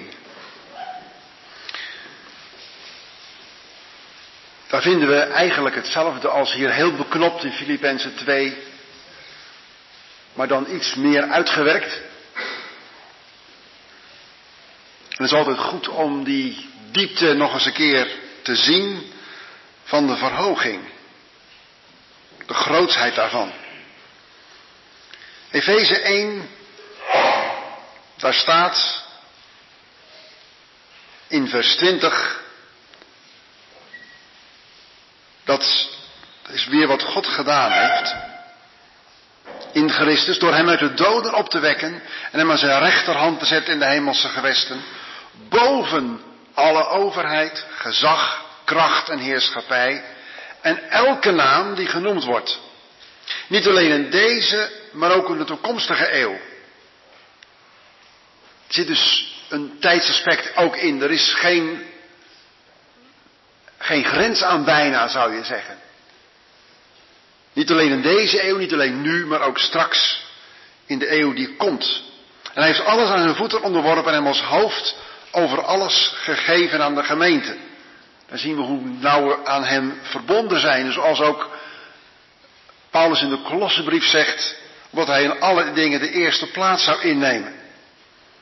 Dan in openbaring 5, vinden we dan op het moment dat hij op het punt staat om dat boek te nemen, die boekrol te nemen, de zegels te gaan verbreken. Hij is degene die dat waard is om te doen. Op dat moment zien we allerlei groepen zich voor hem neerbuigen. Engelen, de oudsten, de levende wezens rond de troon, maar ook wat wij ook vinden in vers 13 van hoofdstuk 5. En elk schepsel.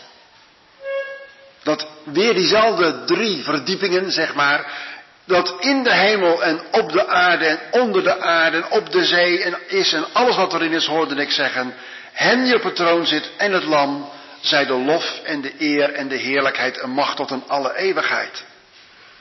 En natuurlijk is er een amen van de vier levende wezens. En aanbidding, een aanbiddend neervallen van de oudsten. Dit is bevestiging wat zojuist gezegd is. Straks moet iedereen. Er is geen ontkomen aan. Het is merkwaardig om dit te zien dat als het ware aan het begin van Gods, als Gods oordeel nog over de aarde moeten gaan, dat dan al gezien wordt dat elk schepsel dat erkent. Niet alleen buigt voor de Heer, maar hem zelfs de lof en de eer en de heerlijkheid en de macht tot in alle eeuwigheid toebrengt. Elk schepsel. Wat geweldig dat wij daar al toe in staat zijn gesteld. En wat ontzettend belangrijk om dat ook in ons hart te doen.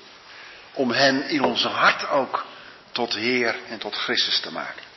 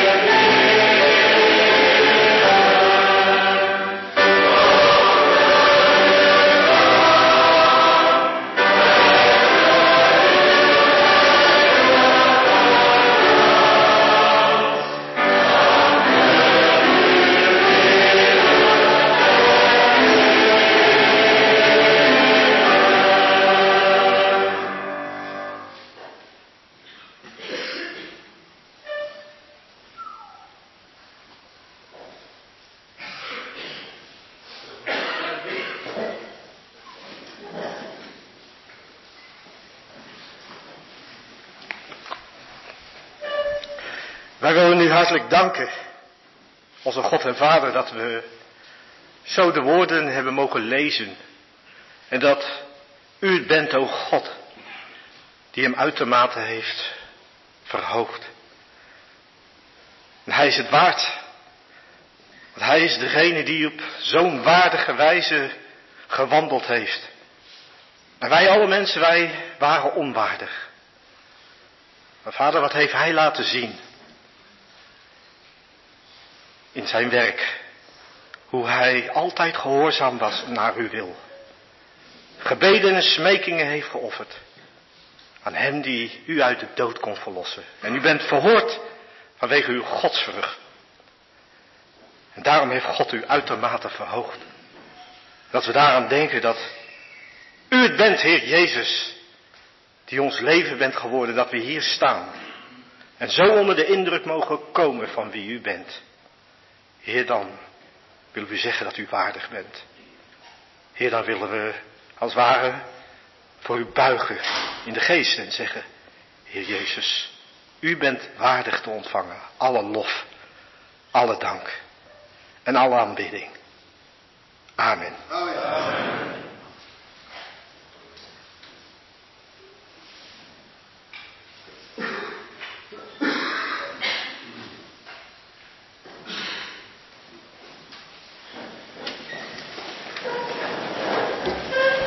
Voordat we aan de koffie en aan het vis gaan, wat voor jullie klaar staat, heb ik een aantal belangrijke mededelingen voor een goed verdere verloop van de dag.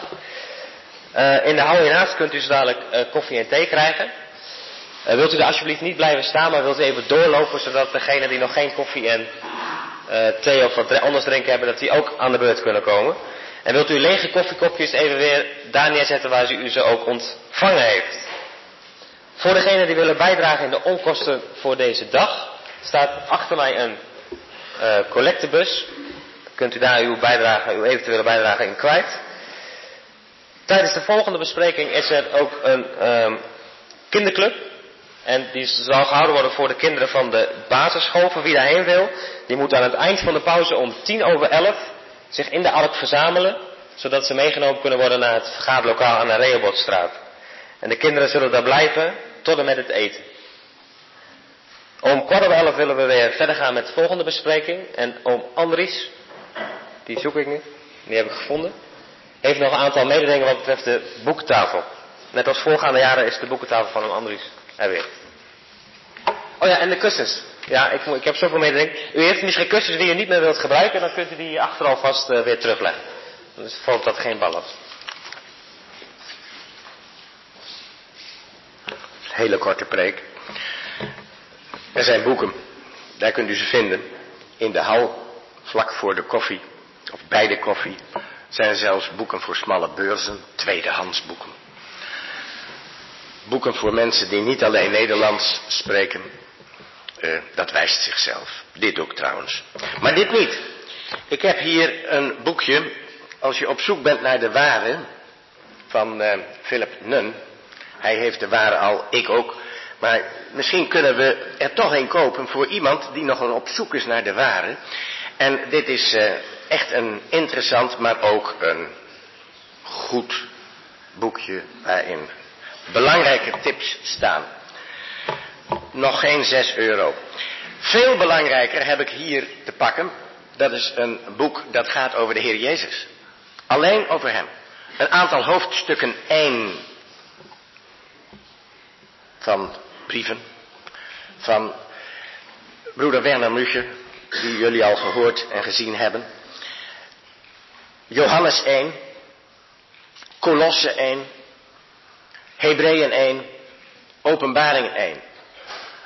Eh, als je van de Heer Jezus houdt, moet je deze echt hebben. Eh,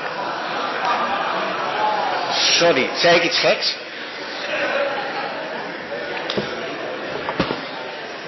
Ehm, Nederlandse opmerking. De prijs. Ze, de ene kost bijna 9, de ander kost bijna 6. Als je kunt rekenen, dan kom je niet bij 15 uit. Maar dan krijg je er deze, dat is Abraham, ook een oude bekende van ons. Krijg je erbij. Drie boekjes, 15 euro. Ehm, afrekenen hoeft hij niet, mag u thuis doen, als u een geel dingetje meeneemt. Er is nog een herdruk van een heel dik boek. Dat is nu half zo dik geworden. Want er zijn er nu twee. Ontzaglijk belangrijk als je de bedelingen door elkaar gooit. Als je niet precies het verschil weet tussen Israël en de gemeente en zo. De komst van de Heer, de verschijning van de Heer. Van harte aanbevolen. Het zoeklicht geeft het uit. En sommige broeders die hier zitten hebben ook voor de binnenkant gezorgd.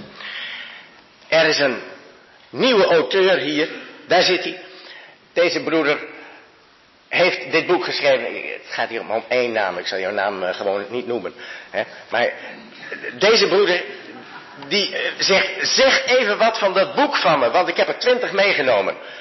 Het is een prachtig boek. Het is een goede strijd hoor. De geestelijke strijd door de eeuwen heen. Es gibt nog andere strijd, aber daar uh, möchtest du etwas van sagen, niet? Gaat ook over een boek. Also weil auch Deutsche hier sind, haben wir auch ein deutsches Buch mitgebracht. Omdat er ook Duitsers zijn, hebben we ook een Duits boek meegebracht. Dieses Buch äh, gibt es erst seit vier Tagen. Dit boek is vers van de pers. Het is slechts vier dagen geleden van de pers gerold. Es ist im deutschen Daniel Verlag erschienen und het, kostet äh, 8,95 Euro. Het is in het Duitse Daniel verlaag, dus uitgeverij Daniel Duitsland uh, verschenen en kost 8 euro 95. 95. Nog geen 9 euro. Der Autor ist Axel Volk. De auteur is Axel Volk. Und äh, der Titel heißt Getrennte Brüder, dabei wollten sie doch die Einheit bewahren. En de titel is uh, Gescheiden broeders. En daarbij wilden ze toch de eenheid bewaren. Puntje, puntje vooraf. Vielleicht sagen einige, das Thema reicht mir. Uh, misschien zeggen sommigen, nou dat thema, daar heb ik echt genoeg van. Ich finde, dass der Autor das sehr, sehr schön anpackt, das Thema, besonders ik, für junge Leute. Ik vind dat de auteur, ik ken Axel Volk ook, dat hij dat bijzonder goed uh, weergeeft, bijzonder, in, bijzonder ook voor jonge mensen. Sein Hauptanliegen ist, dass junge Menschen, die nicht wissen, wie es zu den Trennungen gekommen ist in den 20 Jahren, hier eine Antwort finden. En wat hij graag wil, is jonge mensen die niet weten van al die problemen die wij ouderen, zeker even bij, veroorzaakt hebben, hoe ze die moeten zien. En deze Axel Volk legt dat heel goed uit. Besonders schön finde ich die Gesinnung, in der das Buch geschrieben ist. Heel mooi vind ik de gezindheid waarin dit boek geschreven is.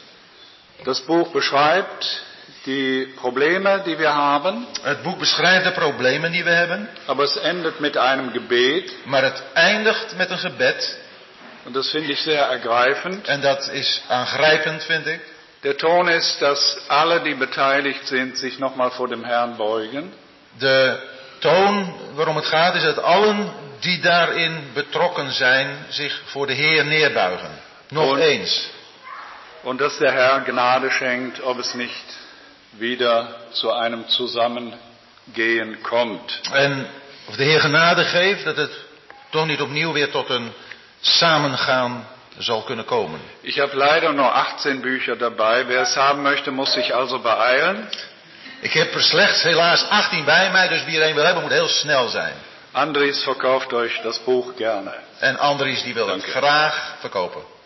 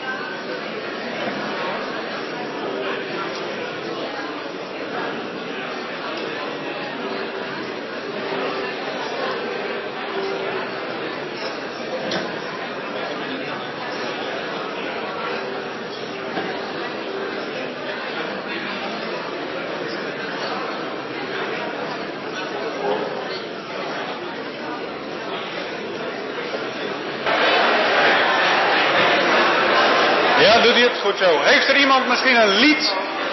Fijn dat u allemaal zit.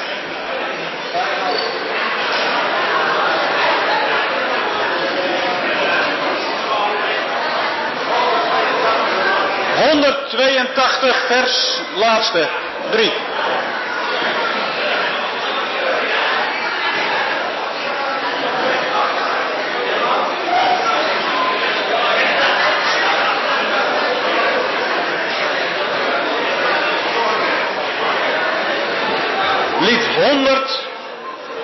182?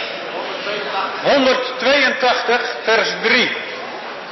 En daarna willen we dan verder gaan met de bespreking. Ik heb de stoelen hier wat omgegooid. Dus degene die uh, denkt dat ze spul kwijt is. Er staan hier wat stoelen nog een rij tussen. En er kunnen hier eventueel nog wat stoelen tussen gezet worden. Want achter die palen, uh, mijn zinziens kun je niet helemaal goed meevolgen. Maar dat mag je uiteraard zelf weten.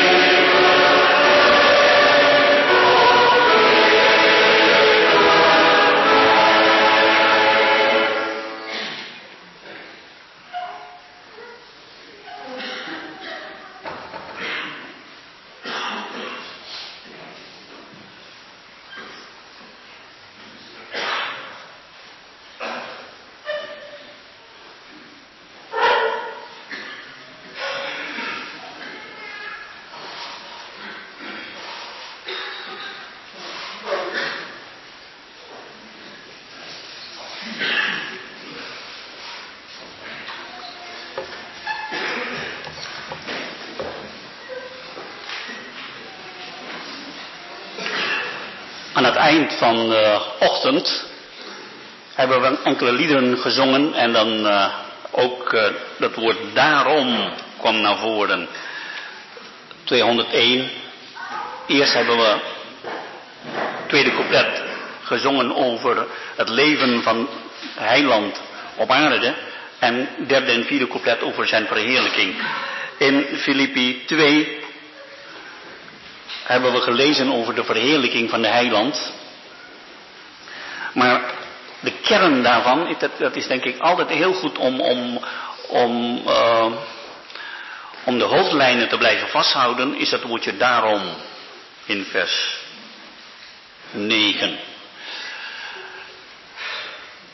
In de wetenschap in deze wereld gaat het erom om wetmatigheden natuurkundige wetten te leren kennen. En begrijpen van natuurkundige wetten, dat is een sleutel om, om verder te komen.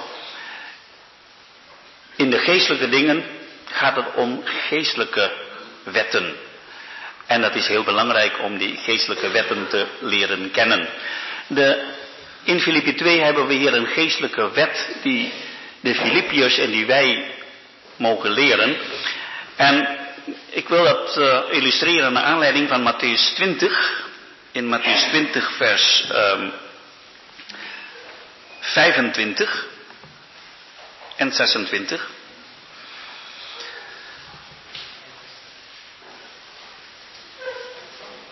Jezus riep hen bij zich en zei, gij weet dat de oversten van de volken over hen heersen en de groten gezag over hen voeren. Dat is de wetmatigheid in, de, in het politieke leven, maatschappelijk leven van deze wereld. Onder u zal het zo niet zijn, maar een ieder die onder u groot wil worden, die zij uw dienstknecht en een ieder die onder u de eerste wil zijn, die zij uw slaaf. Dat is de geestelijke wetmatigheid die we vinden in het koninkrijk der hemelen. En dan in vers 28 het voorbeeld van de heiland. Zoals de zoon des mensen niet is gekomen, hij heeft dat voorbeeld gegeven. En dan terug naar Filippi 2. Dat woordje daarom betekent, dat is een wetmatigheid. Begrijpen we dat dat zo is? Dat, dat er is geen andere mogelijkheid. Er is geen andere mogelijkheid naar de heerlijkheid behalve de weg van het lijden. Satan probeert in de verzoeking op de woestijn een, een kortere weg te, uh, te, laten zien naar de Heer Jezus. Als je voor mij buigt, als je mij aanbidt, dan zal ik alle koninkrijken van deze wereld aan u geven. Dat is een andere weg. Maar dit is de goddelijke weg, de enige weg en die weg laat de Heer Jezus zien.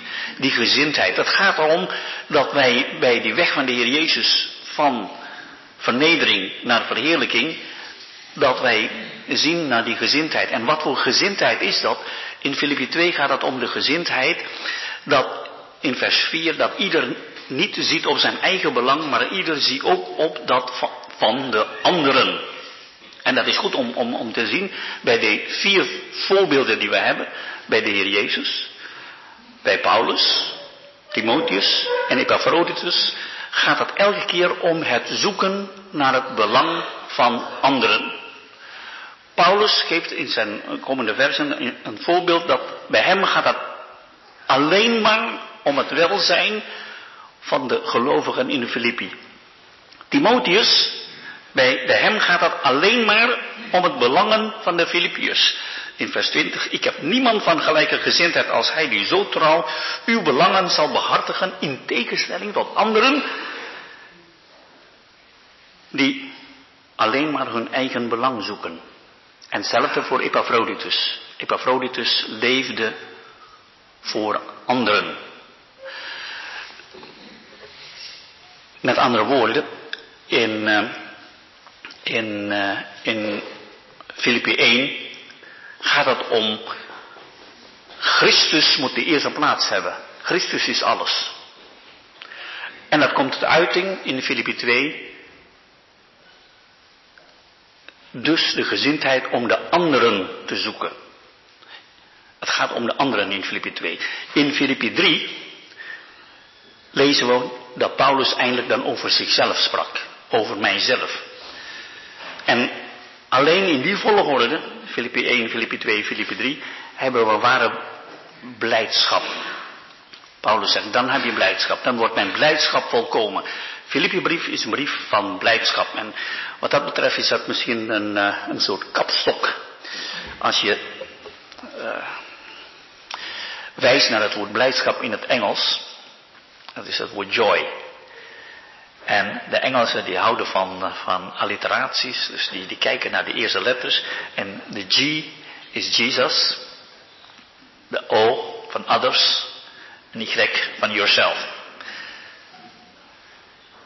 Ware blijdschap heb je als de Heer Jezus de eerste plaats inneemt in je leven. En dat komt tot uiting doordat je gezindheid gericht is op anderen, Filippi 2.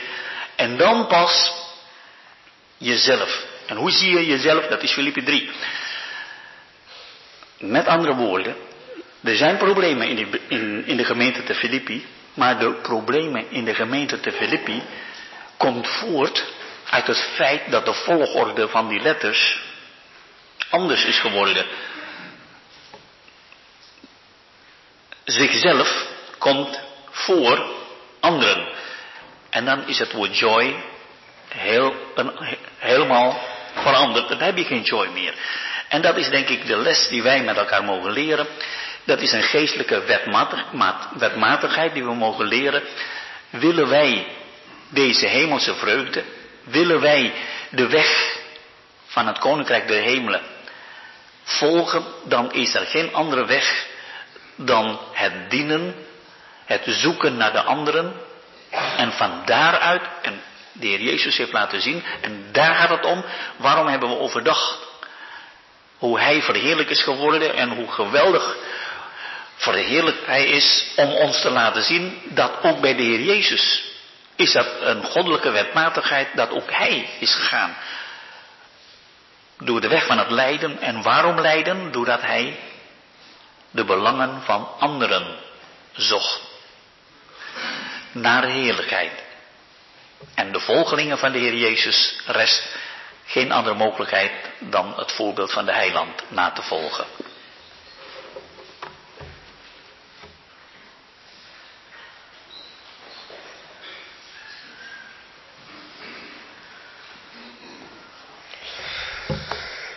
We hebben dat bij een woordje als daarom in vers 9 en straks ook in vers 12 nou wordt aangesloten bij het voorafgaande. Een conclusie wordt getrokken. Ik zou willen stilstaan bij het woordje opdat in vers 10. Het woordje opdat geeft een doel aan. Met welk doel heeft God de Heer Jezus uitermate verhoogd en hem die naam gegeven die boven alle namen is? Met het doel dat in de naam van Jezus elke knie zich buigt en elke tong beleidt dat Jezus Christus Heer is. elke knie zich buigen. Elke tong beleiden. Dat in de naam van Jezus zou je in het Nederlands gemakkelijk kunnen lezen als namens. Dat is niet de bedoeling. In de naam van Jezus betekent in de kracht van zijn naam, met de erkenning van zijn gezag, van zijn hoge positie die in het voorafgaande zojuist is beschreven. Het is geweldig als u en ik nu al mogen weten waar de Heer Jezus is. En dat we het ook tegen Hem zeggen dat we Hem die ereplaats aan de rechterhand van de Vader zo van harte gunnen. Die plaats komt Hem toe. En daarom willen we ons voor Hem buigen. Maar veel mensen in deze wereld die kennen zijn naam, maar gebruiken die naam als stopwoord of nog erger. En zich voor hem buigen, zijn gezag erkennen, dat gebeurt al helemaal niet. Wat zal het dan zijn als op dat reeds door ons gelezen moment, hier aangeduid in openbaring 5 vers 13, alle schepselen zich zullen buigen. Elke knie zal zich buigen. We hebben er al aan gedacht. Wij nu vrijwillig. Straks zullen anderen het gedwongen doen. Maar ik zou er willen stilstaan bij dat elke tong beleiden. beleiden, erkennen, is letterlijk hetzelfde zeggen. Wat straks elke tong gaat beleiden en wij nu al mogen beleiden, is iets wat wij niet van onszelf hebben. Dat zegt de Vader al heel lang. Vanaf de verhoging van de Heer Jezus is Hij de Heer Jezus Christus. Toen Petrus in Matthäus 16 in de streken van Caesarea Philippi ineens bleek te weten dat de Heer Jezus de Christus was, de Zoon van de levende God. Toen kreeg hij te horen dat vlees en bloed hem dat niet geopenbaard hadden. Dat had hij niet zelf bedacht. Dat was hem van boven gegeven. In feite zei hij iets na wat al vast stond. En dat is ook hier zo. Als wij nu al zeggen De Heer Jezus, de Heer Jezus Christus is degene die ik als Heer wil beleiden, dienen en volgen. Dan duid ik hem aan zoals de Vader hem al heel lang aanduidt. En daarom is het tot heerlijkheid van God de Vader als wij dat zeggen. Voor de Vader moet het iets. Pardon. Voor de Vader moet het iets geweldigs zijn als Hij mensen hier op aarde ziet die Hij gemaakt heeft door het werk van de Heer Jezus tot Zijn kinderen, tot Zijn zonen die dat voorbeeld van die zoon willen volgen, maar begrijpen dat dat alleen maar kan met de erkenning van de positie die deze zoon nu heeft. Dan wordt de vader daardoor verheerlijkt. En dan is het dus niet mislukt. Het leek alsof dat schitterende plan van God ten einde was bij het kruis en bij het graf. Maar we hebben vanmorgen stilgestaan bij zijn verheerlijking.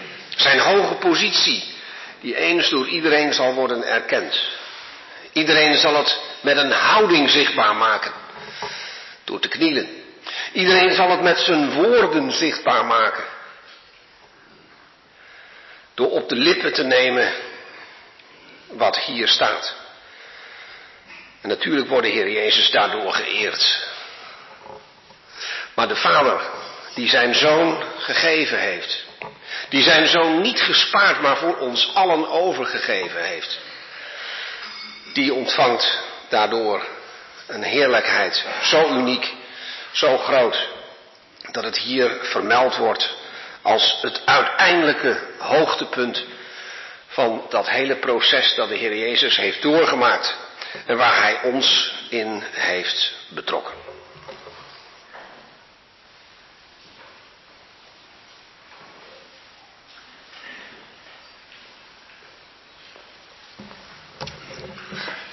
Ik spreek graag en met nadruk en met liefde in mijn hart over de Heer Jezus.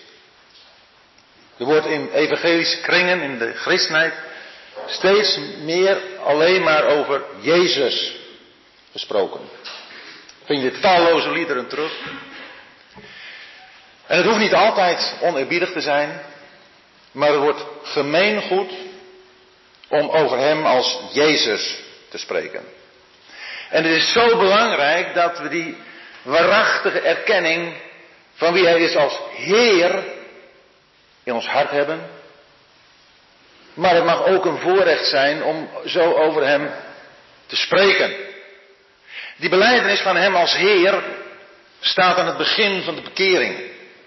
Het is onmogelijk bekeerd te worden, bekeerd te zijn, zonder dat je hem als Heer beleidt. Met je hart geloven, maar met je mond beleiden. Dat hij Heer is. En het heeft een enorme praktische consequentie. Dat het niet alleen maar een beleidenis is, want ook dat kan natuurlijk gewoon een gezegde worden, een gewoonte worden. Maar dat het een werkelijkheid is. Hij is mijn Heer. 24 uur per dag, Zeven dagen in de week. Heeft hij het volle gezag, de volle autoriteit. En het is een vreugde voor mijn hart om hem zo te kennen, zo te eren. Zo zijn gezag over mijn leven ook inhoud te geven. Wat tot uiting komt in de liefde die je hebt voor het woord van God. Het woord van de geliefde. Dat elke tong zal beleiden dat hij Heer is. Dat is zo machtig groot. Nu staat er in uh, de eerste brief van de Corinthiërs, hoofdstuk 12, dat niemand kan zeggen, Heer Jezus, dan door de Heilige Geest. Dat betekent dat de Heilige Geest iemand daartoe brengt om Heer Jezus te zeggen. Maar wat nu als mensen, misschien wel om jou een plezier te doen, ongelovigen over de Heer Jezus spreken. We hebben net gehoord, het gaat om het beleiden waarmee hetzelfde gezegd wordt als God, waarbij je aansluit op God. En ik hoorde onlangs een mooi voorbeeldje van uh, ook een evangelist, die was met een moslim in gesprek. En uh, die moslim die wou hem eventjes beetnemen en vastzetten. En hij zegt uh, tegen de evangelist, joh, er staat in de Bijbel dat niemand kan zeggen Heer Jezus door de Heilige, dan door de Heilige Geest. Ik zeg Heer Jezus. Oh, wacht even, zei de evangelist. Wacht even, dat was op het perron geloof ik. Hij zei, wacht even, ik zal eens een paar mensen bijroepen. En wil ik nu nog een keer zeggen, wil ik nu openlijk beleiden. Toen was hij verdwenen. Want daar gaat het om. Dat je openlijk beleidt. En ik vrees dat er te veel ondergrondse christenen zijn. In Nederland bedoel ik nu. Die wel een belijdenis hebben van Jezus. Maar in wier leven het niet te zien is. Die hun eigen weg gaan, die hun eigen ding doen. Maar waarbij het niet te zien is. Waar blijkt uit dat je de Jezus lief hebt? Dat zodra je over de Bijbel spreekt, over Hem spreekt, daar die liefde gevoeld wordt. Vanuit een diepe dankbaarheid. En vanuit een grote vreugde dat Hij je Heer is. We waren slaven van de zonde. We waren op weg naar de hel.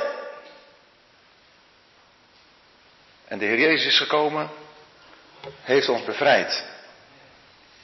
Heeft ons tot zijn eigendom gemaakt, tot kinderen van God. En deelhebbers aan alles wat hij verdiend heeft op grond van zijn werk op het kruis. Ja, zo'n Heer wil je toch gewoon alleen maar dienen. Volkomen dienen. Dat kan toch niet moeilijk zijn? Ja, zegt Paulus, het is toch nog wel eens een beetje moeilijk. Als je nog in enig opzicht je eigen belang zoekt. Laten we nog even dichterbij halen. Het belang van de groep waar je bij hoort. En dat zeg ik natuurlijk ook tegen mezelf. Want we moeten nog steeds leren. Wat we moeten leren, wat we moeten leren afleggen ook is dat eigenbelang. Ook het belang van de groep. Het groepsbelang. Het gaat om de Heer Jezus als Heer in ieder, elk aspect van ons zijn. En dan is het zo belangrijk dat de ander, in dit verband dan, iedere gelovige is. Ieder kind van God. Natuurlijk heeft het niets te maken met het feit dat we zonde zouden goed, goed praten. dan is er wel die uitdrukking, de leer die scheidt en de liefde die verenigt. Dat is ook een duivelse uitspraak. Want de leer, het onderwijs van Gods woord, is absoluut noodzakelijk en er mag. Maar er zou ook niet de wens zijn tot enige verbinding met zonde. Iets van zonde brengt altijd scheiding in de eerste plaats tussen God en de mens. En ook dan zullen wij de kant van God moeten kiezen ten opzichte tegenover de zonde. Maar we willen nu kijken naar die gezindheid. Ook als het gaat om zonde en het daarmee moeten handelen, ook als gemeente, plaatselijke gemeente hebben we deze gezindheid nodig. Opdat we ons niet zullen verheffen. Maar de Heer Jezus zullen navolgen. In die diepe, diepe weg van vernedering.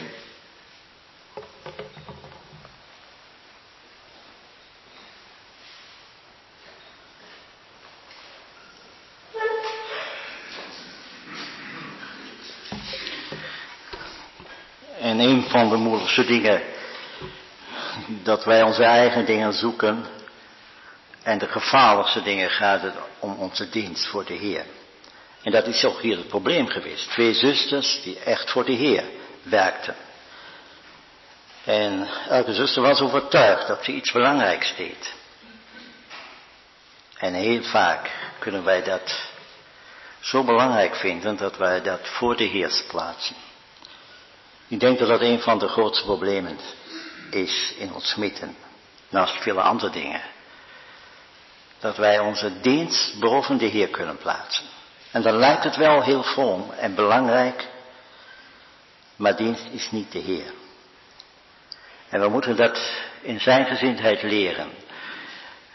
Deze twee dingen, hij werd niet erkend hier op aarde. In zijn opdracht.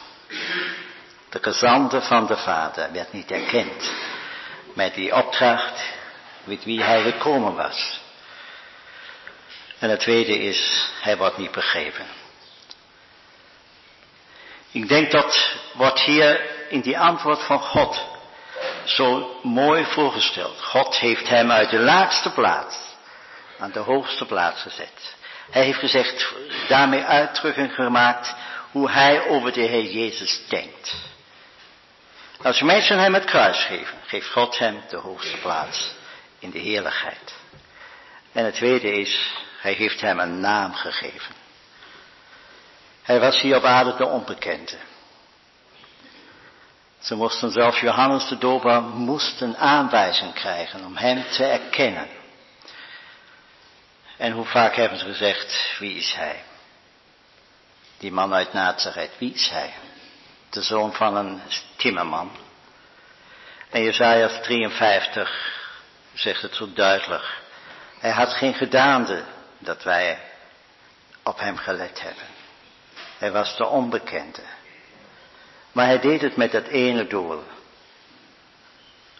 Om God te verheerlijken. Hij heeft zich, hoe het hier heet, heeft zichzelf ontledigd. Met wat voor een doel? Ik denk dat het die bedoel is om God te openbaren. Heeft hij niets van zichzelf laten zien. Hij was dit volmaakte vat, zoals de aak een kist is die iets draagt. Hij was gekomen om God te openbaren. De volheid van God leefde, woonde in hem. En nu zien wij deze antwoord die God hem geeft. En deze antwoord omvat 2000 jaar en nog langer tot in de eeuwige toestand. Hij heeft hem die hoge plaats gegeven, tweedens een naam gegeven. En dat leidt tot vandaag, tot in eeuwigheid, tot reacties. Met het doel dat mensen, dat alle die uh, een besef hebben van goed en kwaad, engelen enzovoort, zich voor hem zullen buigen. Dat is het eerste. En het tweede is dat een beleid is.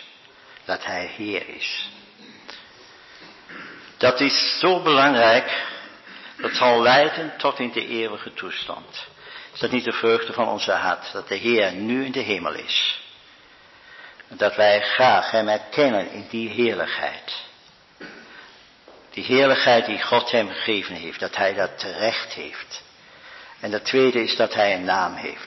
Het geeft heel veel verschillende uitleggingen over die naam. Sommigen denken aan een precies exacte naam, de naam Heere Jezus Christus. God geeft namen. Dat heeft hij al in het Oude Testament gedaan, namen aan mensen. Een paar keer wordt een mens voor een geboorte een naam gegeven. Maar God heeft een naam gegeven aan de Heer Jezus. Maria moet horen van de engel, u zult hem zoon van God noemen dat heilige. En het tweede is, wat Jozef in Matthäus 1 hoort, geef hem de naam Jezus. Wij hebben een naam gegeven en soms geven we onze kinderen namen met een betekenis. En helaas komt die betekenis meestal niet uit. Al die mooie namen die we in het Oude Testament van mensen vinden. Al die mensen, ook waar het gelovigen hebben, hun teleurstellingen hebben ons teleurgesteld. Maar er is één geweest hier op aarde, die heeft zijn naam waargemaakt. Die was Jezus. Jezus, die zijn volk zou retten van hun zonden. Dat was zijn missie. Hij was de zoon van God, dat heilige. Die hier over de aarde gewandeld is, in volmaakte toewijding aan God, heeft het waargemaakt. Maar zij hebben het hier niet erkend.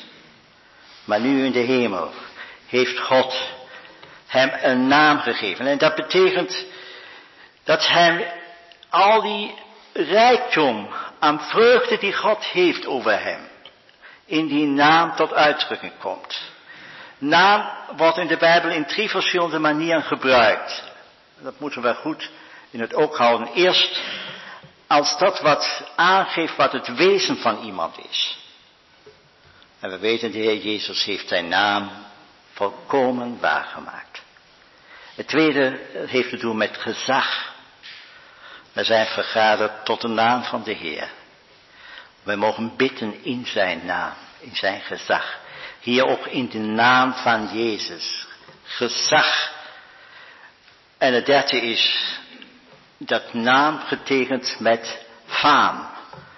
Genesis 6, dat waren mannen die beroemd waren, die een naam hadden. Efeze 1, boven alle namen. Dat geeft het namen in de hemel. Maar hij heeft een naam boven alle namen. Hij is beroemd. En is dat niet een poort, een deur die ons opengaat voor al die heerlijke namen die God hem gegeven heeft, die wij in de Bijbel vinden. Al die schatten die wij in Colossensen 1 hebben, van die wonderbare naam van de Heer Jezus. En tot die naam mogen wij samenkomen. En als we dat met het hart doen, dan zullen wij die schatten zien, die verbonden zijn met deze heerlijke persoon. En dan zijn we graag bereid onze knieën voor Hem te buigen. Het staat hier in de naam van Jezus. Wij zouden eigenlijk geschreven in de naam van Heer Jezus. Maar God wil duidelijk maken dat diezelfde man die daar aan het kruis hing, dat ze zich voor hem moeten buigen. Het is die Jozef die uit het gevangenis komt en verhoogd wordt in Egypte, die daardoor het land reist, in die wagen van de farao, waar zich iedereen moet buigen. Dezezelfde Jozef, die dezelfde dag nog in het gevangenis zat. En dezezelfde Jezus is het, waar God eist dat we ons voor hem buigen. Ze zullen hem aanschouwen, die zij doorboord hebben. Dat is dezelfde Jezus.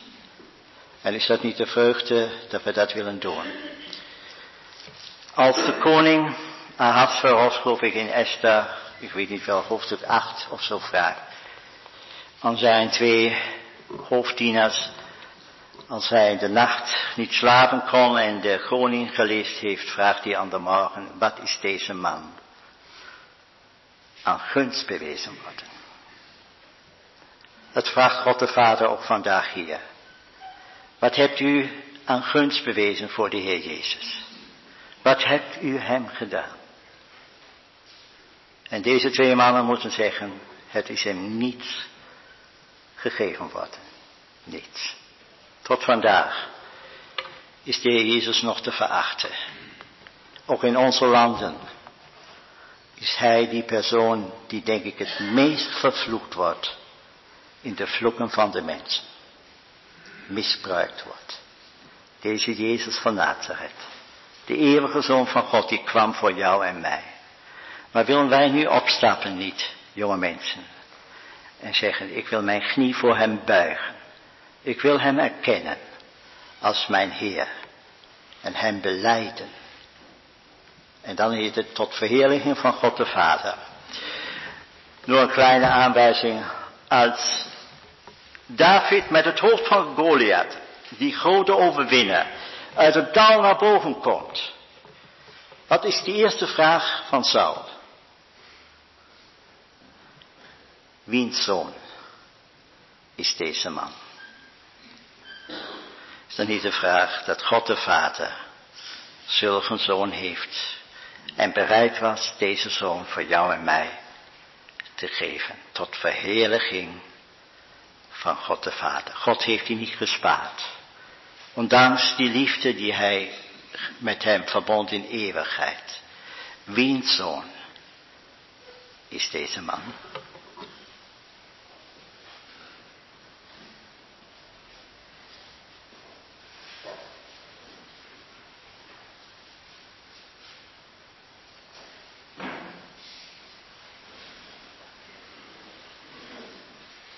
Hermano Günther, ¿podría ayudarme con la traducción? Sorry, eh, ik kan niet goed Nederlands spreken, maar misschien met de hulp, met de hulp van die broeder mag ik iets zeggen.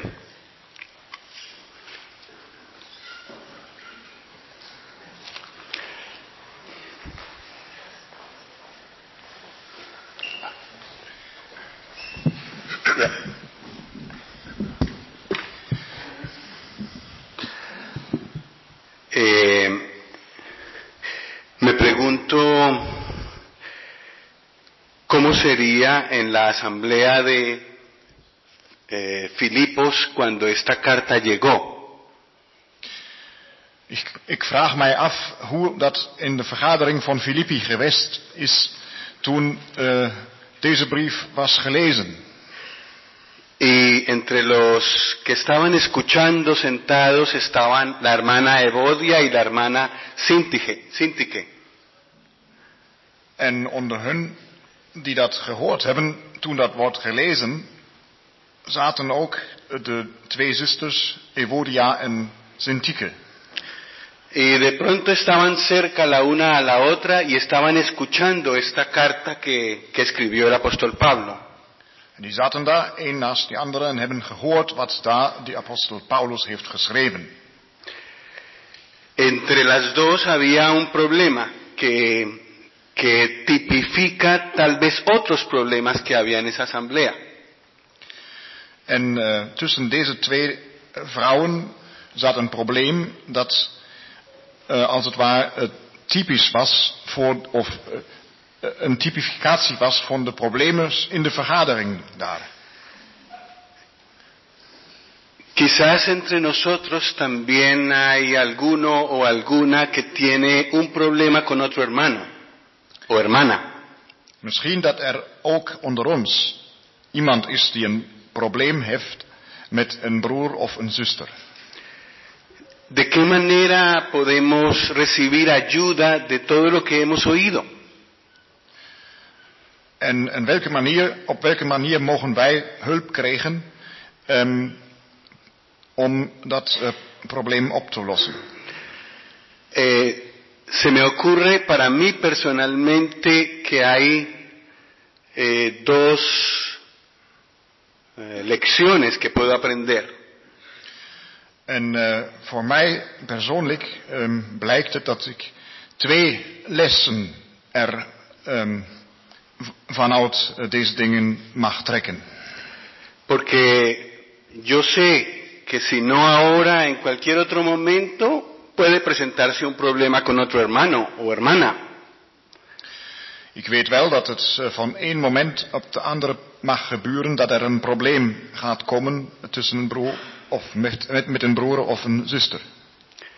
Entonces hay dos lecciones que yo veo en lo que hemos oído que pueden ayudarme en mi relación con otros hermanos. Um, en zo zie ik nu twee lessen um, uit deze versen um, als er een probleem zit tussen broers en zusters. Primero es la, lo que hemos oído en las últimas intervenciones, que es el, el reconocimiento de que el Señor Jesús es mi Señor. Voor het eerst, en dat hebben wij ook uh, gehoord in de laatste bijdragen, uh, opmerkingen, uh, is het zo dat wij moeten beseffen dat de Heere Jezus mijn persoonlijk Heer is. Y debido a que somos propensos a olvidar, necesito recordar esa posición tan alta que el Señor Jesús tiene. Y, ah, en als het zo is dat wij uh, vergeten. Uh, dat gebeurt vaak dat wij vergeten. Is het uh, ook noodzakelijk dat wij weten hoe hoog de positie van de Heer Jezus is. Y que lo recordemos vez tras vez. En uh, dat wij dat keer achter keer mogen herkennen en herinneren. Eh, si Evodia y Sintique tenían que confesar y recordar quién es el Señor, quién es su Señor. En als uh, Evodia en Sintique uh, moesten uh, her herinneren hoe hoog de positie van de Heer Jezus is.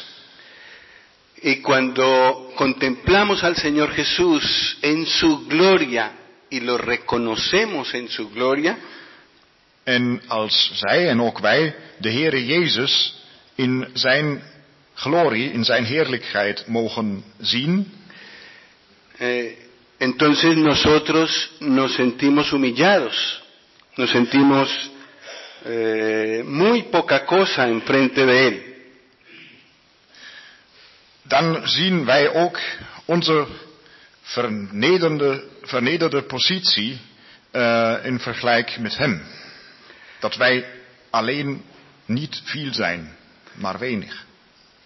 Entonces pienso que si yo tengo un problema con otro hermano o hermana, esta es la primera cosa que debo recordar. En daardoor denk ik ook dat als wij een probleem hebben met een broer of een zuster, dat dat de eerste ding is dat wij moeten uh, herinneren.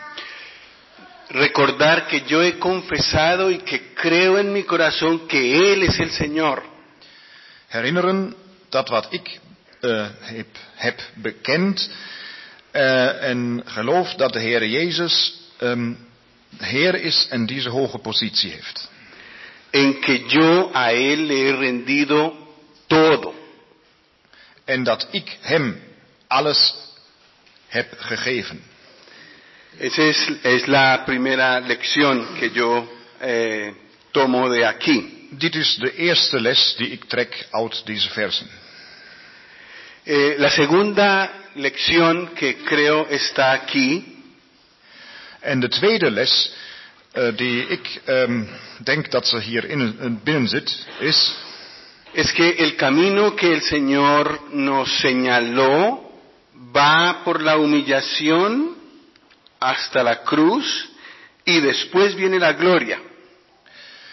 Dat is de weg die de Heer Jezus ons heeft getoond, een weg de, van vernedering tot aan het kruis en daarna de verhoging.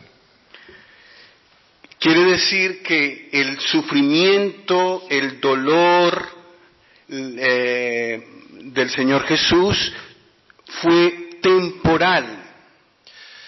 Dat uh, zou zeggen dat het lijden en de smarten van de Heer Jezus voor een tijd zijn geweest. Y es, el mismo, es la misma idea que encontramos en Hebreos 12.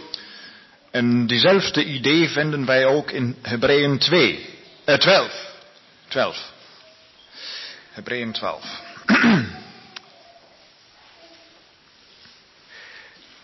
mm. Uh, nee, dat, uh, ik denk dat het dat is, uh, zo goed gaat. Ah, als, Hier staat aan tafel. Ja, maar um, ik mag het niet Nederlands lezen.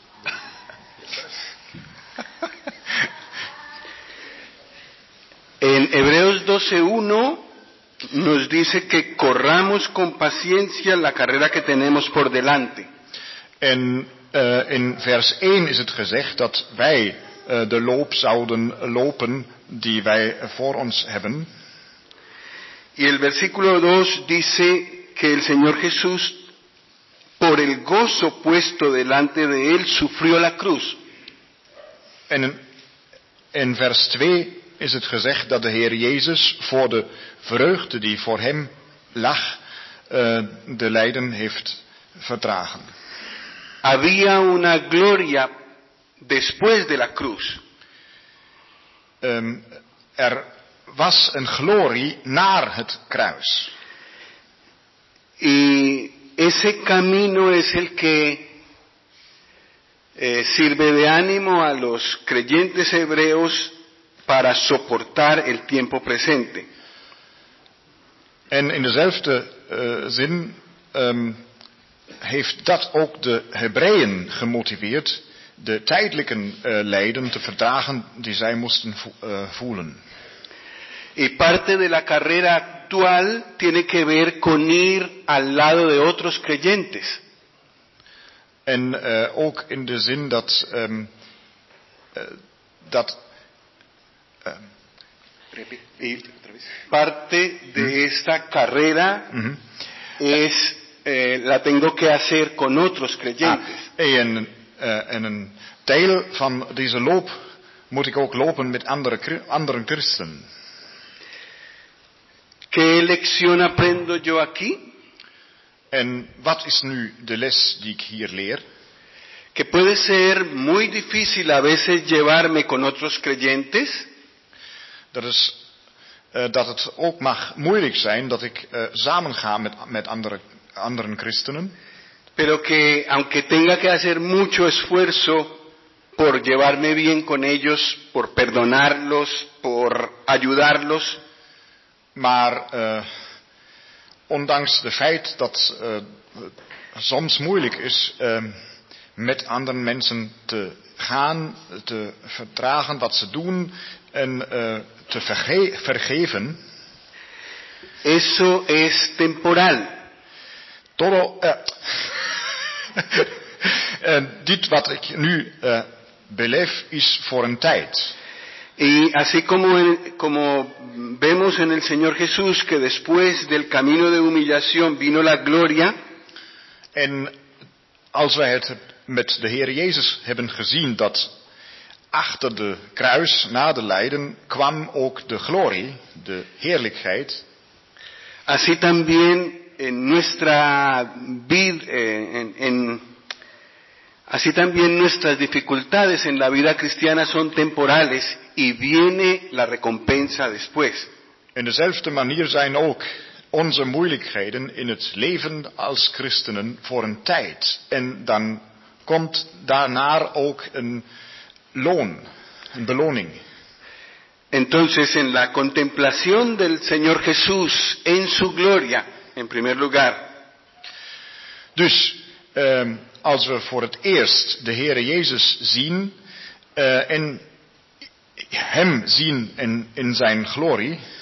Y en segundo lugar, sabiendo que después de su sufrimiento vino la gloria. En in de tweede plaats weten dat na het lijden er is ook de heerlijkheid. Evodia y Sintique y los eh, eh, Evodia y Sintique podrían um, encontrar en estas dos cosas ánimo para eh, ser para ser unánimes en el Señor. Ook Evodia en Sintique mochten in deze zin um, bemoedigd zijn uit deze twee lessen uh, een uh, gemeenschappelijke uh, zin te hebben. Y pienso que esta lección que aprendieron Evodia y Sintique también es muy actual para nosotros. En ik geloof dat deze lessen die Evodia en Sintique moesten leren ook heel actueel zijn voor ons vandaag. Bedankt. Dank u wel.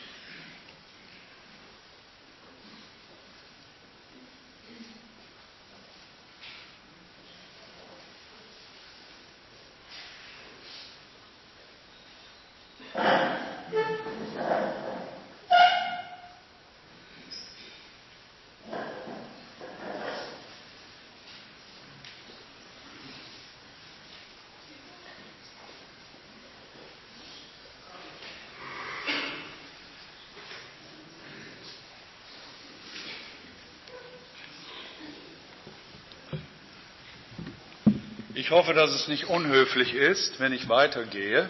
Ik hoop niet dat het een beetje onfatsoenlijk is als ik doorga. Aber wenn wir bei diesen zwei oder drei Versen stehen bleiben, Maar wanneer we bij... Nou, dat is een, een waarheid.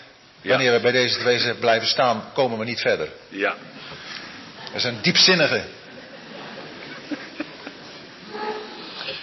Vers 12 beginnt damit, dass Vers- Paulus schreibt, dass, sie, dass die Philipper gehorsam waren. Vers 12 begint ermee dat hij schrijft dat de Filippiërs gehoorzaam waren. Und ich denke, das knüpft daran an, dass der Herr Jesus gehorsam geworden ist bis zum Tod am Kreuz. En ik denk dat het erbij aanknoopt dat de Heer Jezus gehoorzaam is geworden tot de dood aan het kruis. Wir haben gesehen, dass die Lösung des Problems, das die Philipper hatten, darin besteht, dass sie die Gesinnung des Herrn Jesus hätten. We hebben gezien dat de oplossing van het probleem daarin bestaat dat de Filippiërs de gezindheid van de Heer Jezus zullen hebben. Und wir sehen in Vers 12, dass Paulus anerkennt, dass als er da war, sie gehorsam waren. En vers 12 zegt dat eh, hij ziet dat toen hij bij hen was, zij gehoorzaam waren. Etwas Herrn zum Ausdruck. Daarin kwam iets van de Heer Jezus tot uitdrukking. Aber jetzt war der Apostel nicht da, sondern in der Gefangenschaft. Maar nu was de apostel niet daar, maar hij was in gevangenschap. Und nun will er ihnen Dinge vorstellen und hofft, dass sie genauso gehorsam sein würden. En nu wil hij dingen gaan voorstellen en hij hoopt dat ze net zo gehoorzaam zullen zijn. Und er fordert sie auf, dass sie ihr eigenes Heil mit Furcht und Zittern bewirken. En hij roept hen op om hun eigen behoudenis met vrees en beven te bewerken. Anders ausgedrückt, dass das Problem, das in ihrer Mitte da ist, gelöst werden kann. Anders uitgedrukt dat het probleem dat in hun midden is, zal worden opgelost. Viele haben sich mit der Frage beschäftigt, wie kann man sein eigenes Heil bewirken? Er zijn velen die zich hebben bezighouden met de vraag hoe kun je nu je eigen behoudenis bewerken. Um diese Frage beantworten zu können, ist es gut, dass man sich vor Augen hält, Om deze vraag te kunnen beantwoorden is het goed dat we voor ogen houden dass es drei verschiedene Arten der Errettung im Neuen Testament gibt. dat er drie verschillende soorten van behoudenis in het Nieuwe Testament zijn. Die größte Errettung ist natürlich die Errettung für die Ewigkeit. De grootste behoudenis is natuurlijk die voor de eeuwigheid. Dazu möchte ich einen Vers lesen aus Epheser 2. Daarvoor wil ik een vers lezen uit Efeziërs hoofdstuk 2. Erste Teil von Vers 8. Het eerste deel van vers 8. Denn durch die Gnade seid ihr errettet. Want door genade bent u behouden. Zu dieser Errettung kann man nichts dabei äh, dazu äh, wirken und auch, ja. Bij deze behoudenis kunnen wij geen enkele bijdrage leveren. Es ist klar, dass es nicht darum gehen kann. Het is duidelijk dat het daar hier niet om gaat. Eine zweite Errettung findet statt, wenn wir den Herrn Jesus als Erretter erwarten und er kommt. Een tweede behoudenis vindt plaats wanneer we de Heer Jezus als heiland verwachten en hij dan komt. Davon lesen wir in Vers 20 von Philippa 3. Daarover lezen wij in Filippiërs hoofdstuk 3 vers 20. Denn unser Bürgertum ist in den Himmeln, von woher wir auch den Herrn Jesus Christus als Heiland erwarten. Er kommt als Heiland, Hij komt als heiland um unseren Leib zu erretten. om ons lichaam te behouden. Und das wird er durch seine Macht tun, mit der er sich alle Dinge unterwirft. En dat zal hij doen met de macht die hij heeft om ook alles aan zich te onderwerpen. Das ist die zweite Errettung. Dat is de tweede behoudenis. Die ist noch zukünftig. Die komt nog. Und dann gibt es eine dritte Art von Errettung. En dan is er een derde soort van behoudenis. Die finden wir sehr oft im Neuen Testament. Falsche bezet. Een derde. Ik zei het een derde. Een derde soort behoudenis. Ah, maar dat betekent dat jullie allemaal goed luisteren. Dus, eh, Dazu möchte ich eine Stelle lesen aus 1 Timotheus 3, Vers 11. Daar wil ik nog een vers over lezen uit 1 Timotheus. Äh, 2. Timotheus, Entschuldigung. Oh, pardon, 2 Timotheus.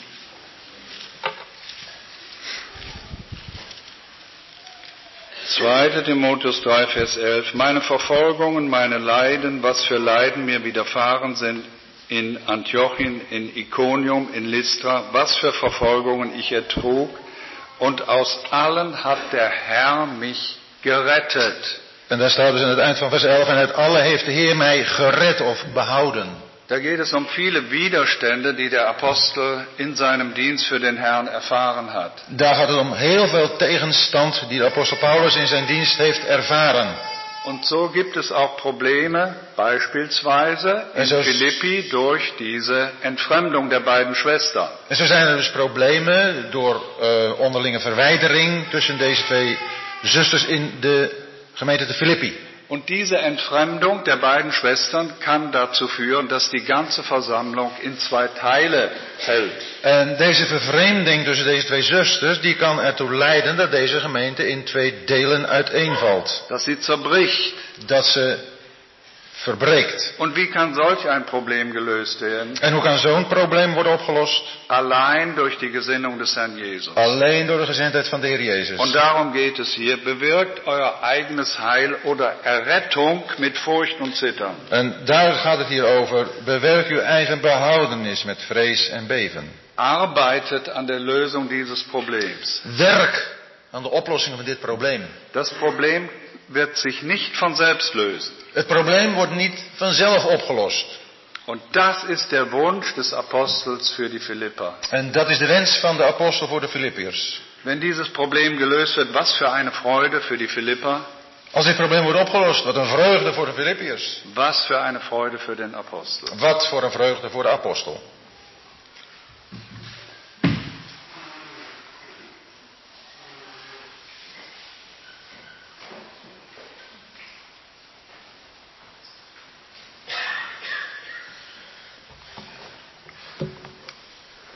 Dat ehm, twaalfde vers, en met name die uitdrukking aan het eind, is op zich niet het makkelijkste deel van de brief.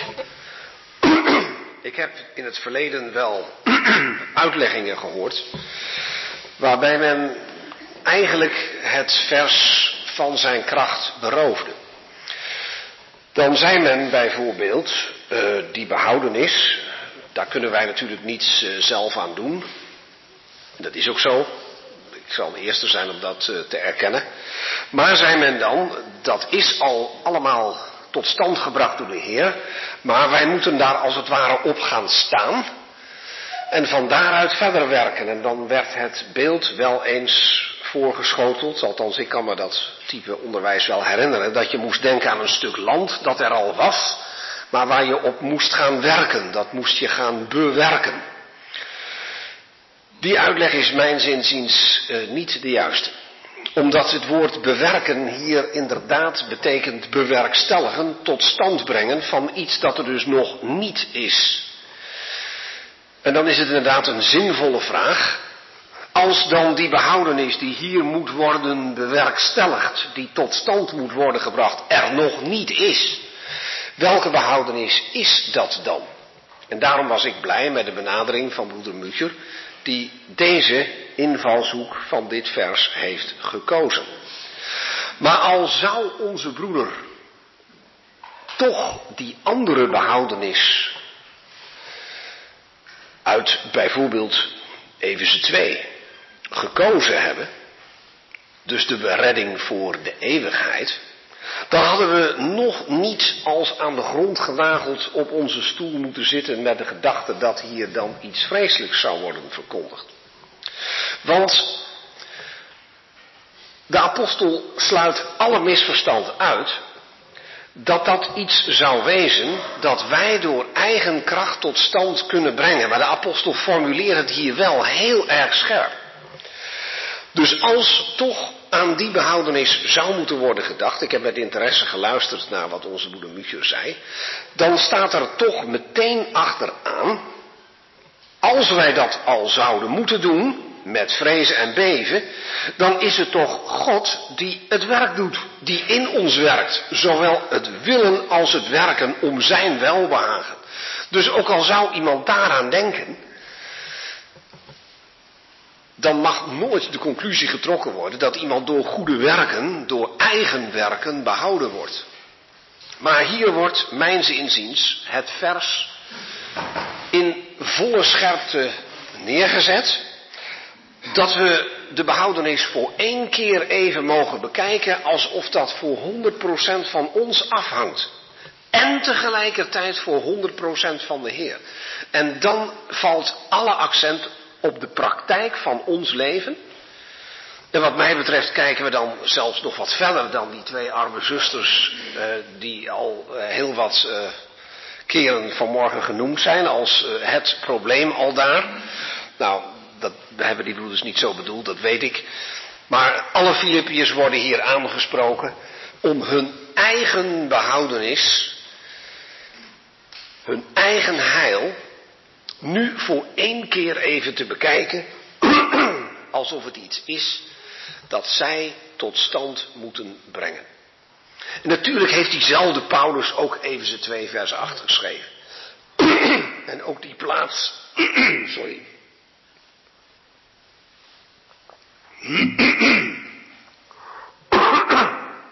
Excuus.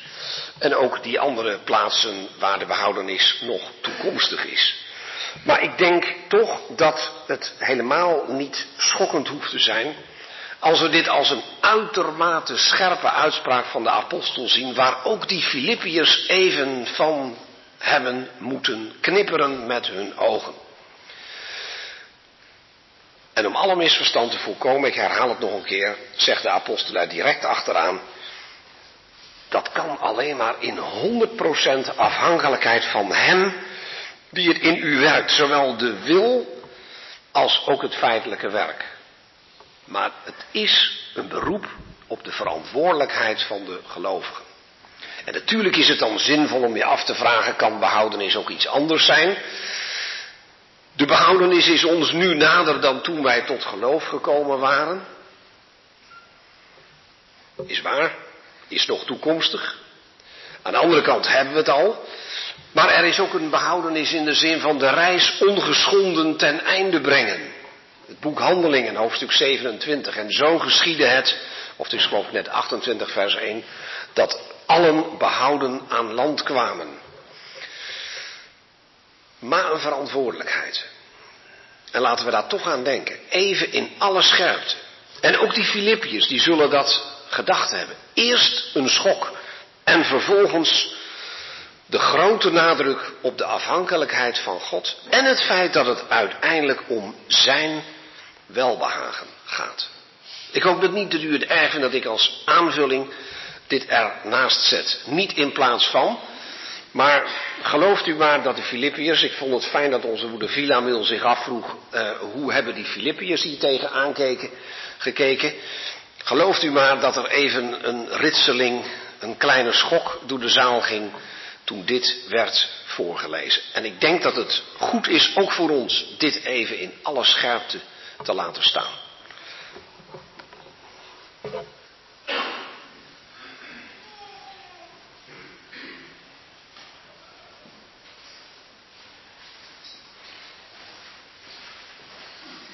Het heeft denk ik ook met gehoorzaamheid te maken.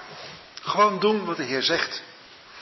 Dat is wat Paulus zegt, daarom mijn geliefde. Zoals u altijd gehoorzaamd hebt, niet alleen zoals mijn afwezigheid, maar nu veel meer in mijn afwezigheid. Gehoorzaam Ga aan de slag. En dat doe je met vrees en beven in die zin dat je voor jezelf weet. Ja, als ik op mezelf moet, moet vertrouwen, dan lukt het me niet. Dat is al, daar kun je al bang voor zijn. Voor je eigen handelen. Vrees en beven in die zin dat je beseft hoe heilig en groot God zelf is. Vrees en beven vanwege de omstandigheden die allerlei dingen kunnen meebrengen. Het, zal nooit makkelijk zijn. God heeft ons geen makkelijke reis beloofd, hebben we al vaker gehoord natuurlijk. Dat is ook zo. Het is niet eenvoudig. Is al even die bootreis van Paulus uh, over Middellandse Zee aangehaald, die toch heel wat uh, moeilijker was dan, dan wij tegenwoordig beleven. Hoewel hebben we die bootjes met vluchtelingen die we soms uh, waar we over horen, daar is het misschien meer mee te vergelijken. De moeilijkheden zijn er. Dus ook daarom kun je met vrezen en beven er zijn. En, en de, de tegenstand kan er zijn. Denk maar aan, aan Paulus die, toen hij naar de Corinthiërs ging, ook met veel vrees en beven kwam. Paulus! Die al zoveel had meegemaakt, zoveel had gemerkt dat de Heer hem steunde. Vrezen en beven. Maar het is ook zoals, zoals de Heer tegen Jozua zegt. Jozua die misschien ook wel een beetje, ja, net als Timotheus, ik vergelijk Jozua vaak met Timotheus. Zo van iemand die nog niet zeker wist of hij het wel kon in zijn eentje. Hij was niet in zijn eentje natuurlijk. Want de Heer zei, ik zal met je zijn en wees sterk en moedig, Jozua. Ga aan de slag. Ik zal met je zijn en je gaat dat land helemaal veroveren. Dat moest hij nog wel even gaan doen. Dat was nog niet gebeurd. Het was wel toegezegd door de Heer. Het land was eigenlijk al in bezit van het volk, maar ze moesten er nog wel gaan veroveren. Dat ging niet vanzelf. Daar moesten ze alles voor geven. Dus ga aan de slag, bewerkt uw eigen behoudenis met vrezen en beven. Want het is God die in u werkt, zowel het willen als het werk. Ga maar aan de slag, want ik ben met je. Je hoeft niet bang te zijn, niet angstig in de zin van dat het helemaal niet zal lukken. Nee, natuurlijk, het lukt wel, want er is één die garant staat. Het werk is al volbracht. Er is één die garant staat voor de hele weg die je moet gaan. Dus ook al heb je misschien voor jezelf de neiging om te zeggen, ik, ik red die eindstreep nooit, ik kom daar niet. Als ik het zelf moet doen. Nee, dat is inderdaad zo. Maar de Heer is met je. Dit is geschreven aan gelovigen. Niet de mensen die nog tot geloof moesten komen. Het is geschreven aan gelovigen. Die al gehoorzaamheid getoond hadden. En die daarin moesten groeien. Ga maar aan de slag. Er staat nog even dat heel belangrijke achteraan. In vers 13. Om zijn welbehagen. Dat is mooi. De Heer die wil het omdat Hij het zo graag wil. Hij zich zo graag verheerlijkt wil zien in de Heer Jezus en ook in ons. En Hij wil het helemaal doen. We hoeven niet bang te zijn dat we het niet redden. Want Hij is bij ons. Hij wil zo graag dat wij het redden. Alle gelegenheid, alle kracht in Hem, die, die er in Hem is, hebben wij ter beschikking. Ik heb vanmorgen al even gelezen uit Efeze 1. Als u een paar versen teruggaat, dan ziet u dat. Dat, die, dat wat is, de kracht die gewerkt is in de verhoging van de Heer Jezus, is dezelfde kracht die ons ter beschikking staat.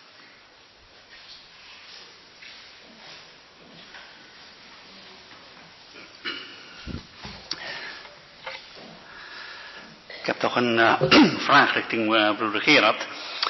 Um, vers 12 is inderdaad een heel moeilijk, uh, moeilijk vers. Tenminste, omdat het gevaar in, op de loer ligt dat, dat je zou kunnen denken dat je aan die behoudenis toch door middel van goede werken iets zou kunnen toevoegen. En daarom heeft het mij altijd geholpen. er was een oud, oud boek van Dr. Moulton, From Egyptian Rubbish Heaps.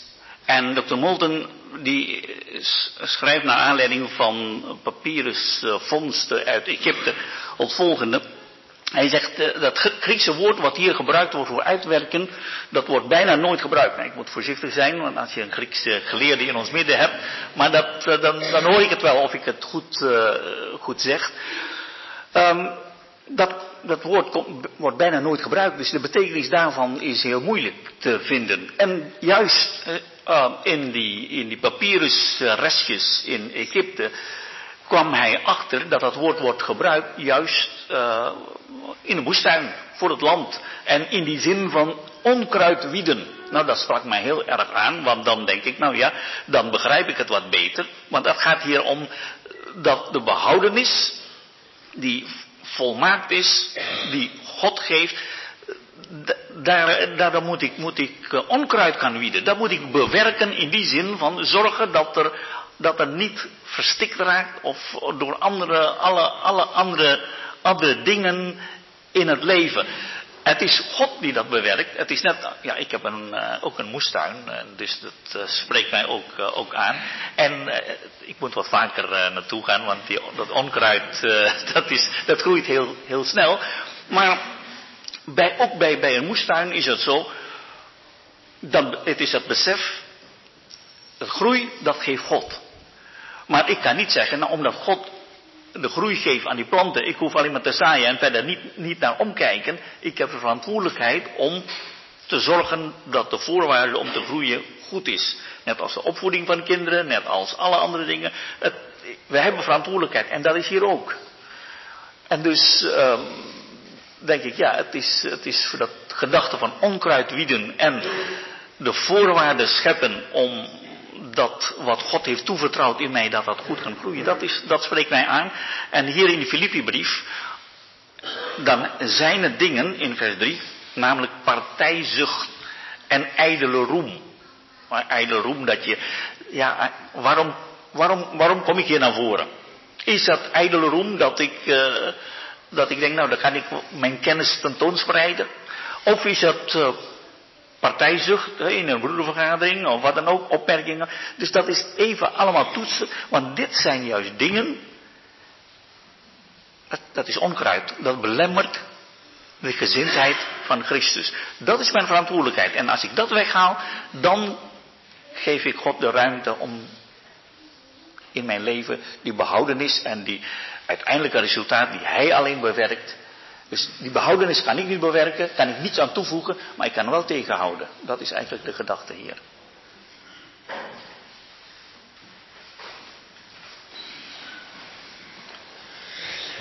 Zo'n uitzonderlijk woord is het nou ook weer niet. Dat wil zeggen, um, al zou het in uh, de papieren teksten kunnen worden gebruikt voor het bewerken van een stuk land, dan moet je wel kijken hoe wordt het in het Nieuw Testament gebruikt. En als er zo'n uh, concreet uh, object wordt bewerkt als een stuk land, dan zal ook niemand dat anders begrijpen.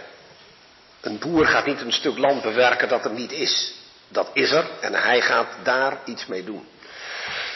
In het Nieuw Testament, ik heb niet de plaatsen op een rijtje, maar ik heb gisteren nog wel even met de concordanties uh, nagevlooid en juist dit woord nog wat nadrukkelijker onderzocht, is juist het merkwaardige hiervan dat zowel binnen als buiten het Nieuw Testamentisch Grieks en ook het literaire Grieks, wordt het gebruikt voor het tot stand brengen, het bewerkstelligen van iets dat er nog niet is, zolang het niet een heel concreet object is.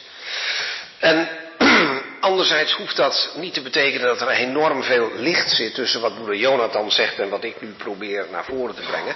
Als je dit vers ziet als een aansporing tot levensheiliging. En dan levensheiliging die op zijn scherpst wordt geformuleerd.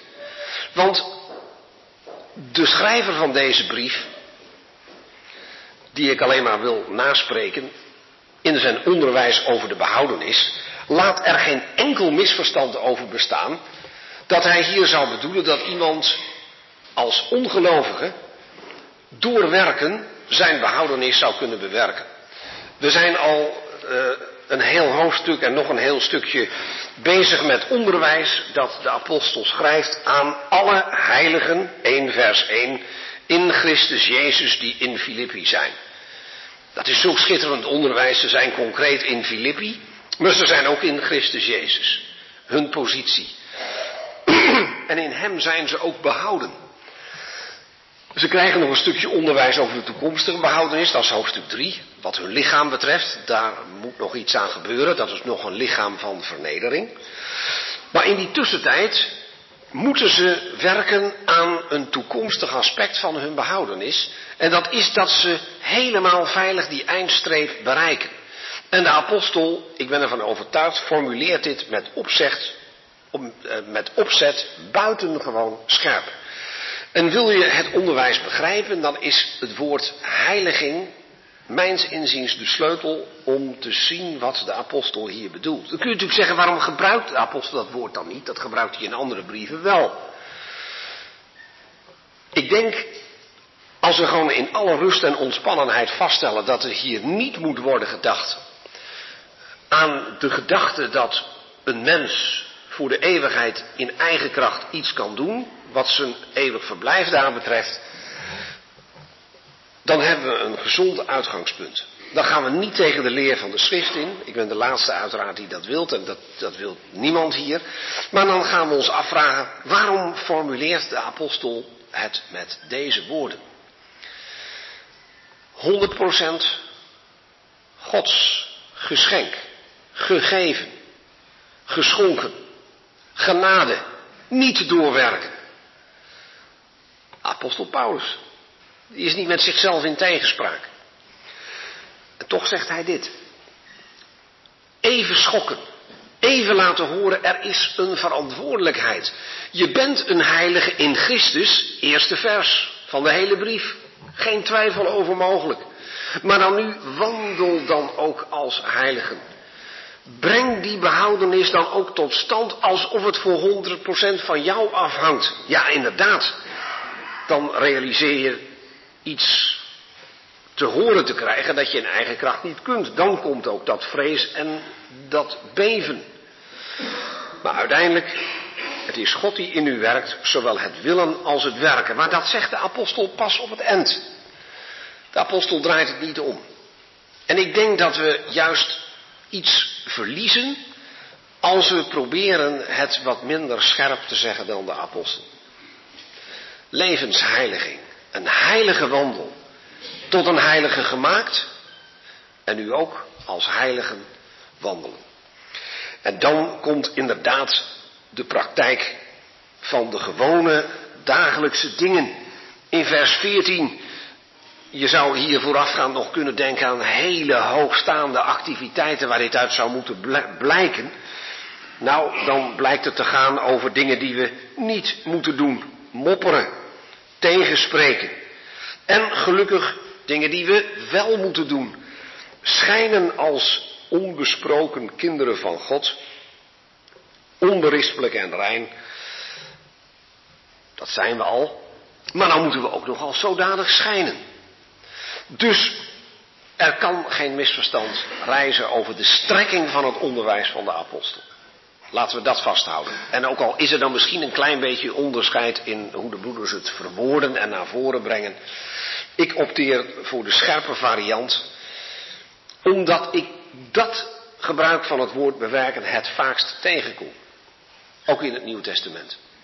En dan is de sleutel mijn zinziens, en dan ga ik zitten, dit is een oproep tot een heilig leven. Tot levensheiliging op weg naar het einddoel. En dat zo intens, alsof het voor 100% van, of, van ons afhangt. Dat mogen we dan een paar seconden denken. En dan gelukkig, het is God die in u werkt, zowel het willen als het werken. Alleen in 100% afhankelijkheid van Hem kan dit worden gerealiseerd.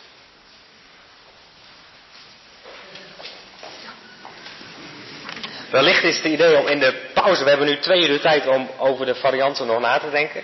Wellicht dat we daarvan van gedachten kunnen wisselen, want het is nu half één geweest.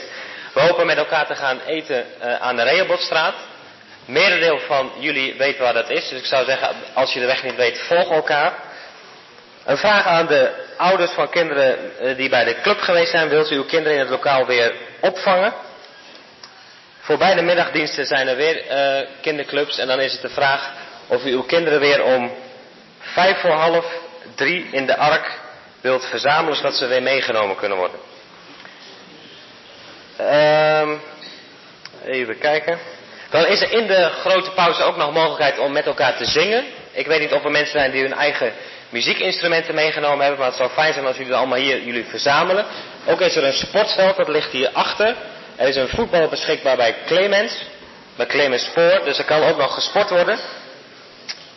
Uh, voor de Duitse broeders en zusters die vertaling gebruiken, is de vraag of u de vertaling weer even in de bak wilt leggen, zodat die opgeladen kan worden. En het nadrukkelijke verzoek om hier om vijf voor half drie weer te zijn, zodat we ook echt om half drie kunnen beginnen. Broeder Jan Remmeling heeft gevraagd om nog even wat door te geven.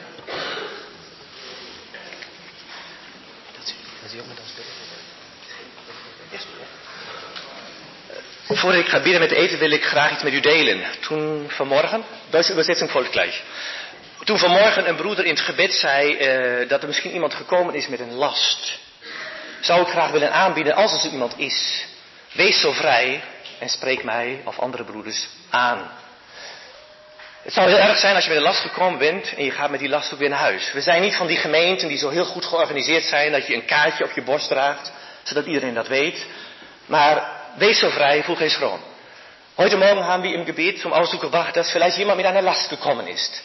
Wenn dem so ist, dann möchte ich mich gerne anbieten, zur Verfügung zu stellen, auch in den Pausen zu einem Gespräch. Denn es ist nicht in unserem Sinne, dass, wenn wir mit einer Last gekommen sind, wir auch mit einer Last nach Hause gehen. Seid so frei.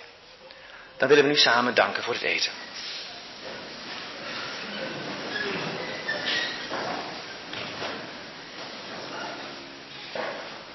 En Jezus, we willen u heel hartelijk danken dat u ons vanmorgen iets hebt gegeven voor ons hart. Dat hebben we nodig en daar danken we u voor. We danken u dat we met u zelf mogen bezig zijn en dat is het beste voedsel wat er is. Maar we stellen ook vast dat we ook trek hebben en daarvoor danken we u ook dat het gezond is. En dat u ons dit eten geeft, en de gemeenschap met elkaar. We willen bidden of u de gesprekken met elkaar wilt zegenen. Dat we een goede sfeer mogen hebben met elkaar. En dat ook in het eten uw naam verheerlijkt wordt. Amen. Iets maken. Een laatste opmerking nog. Wilt u uw waardevolle spullen weer mee, meenemen, zodat u niet hier achterblijft in de kerk? Zoveel mogelijk uw waardevolle spullen meenemen.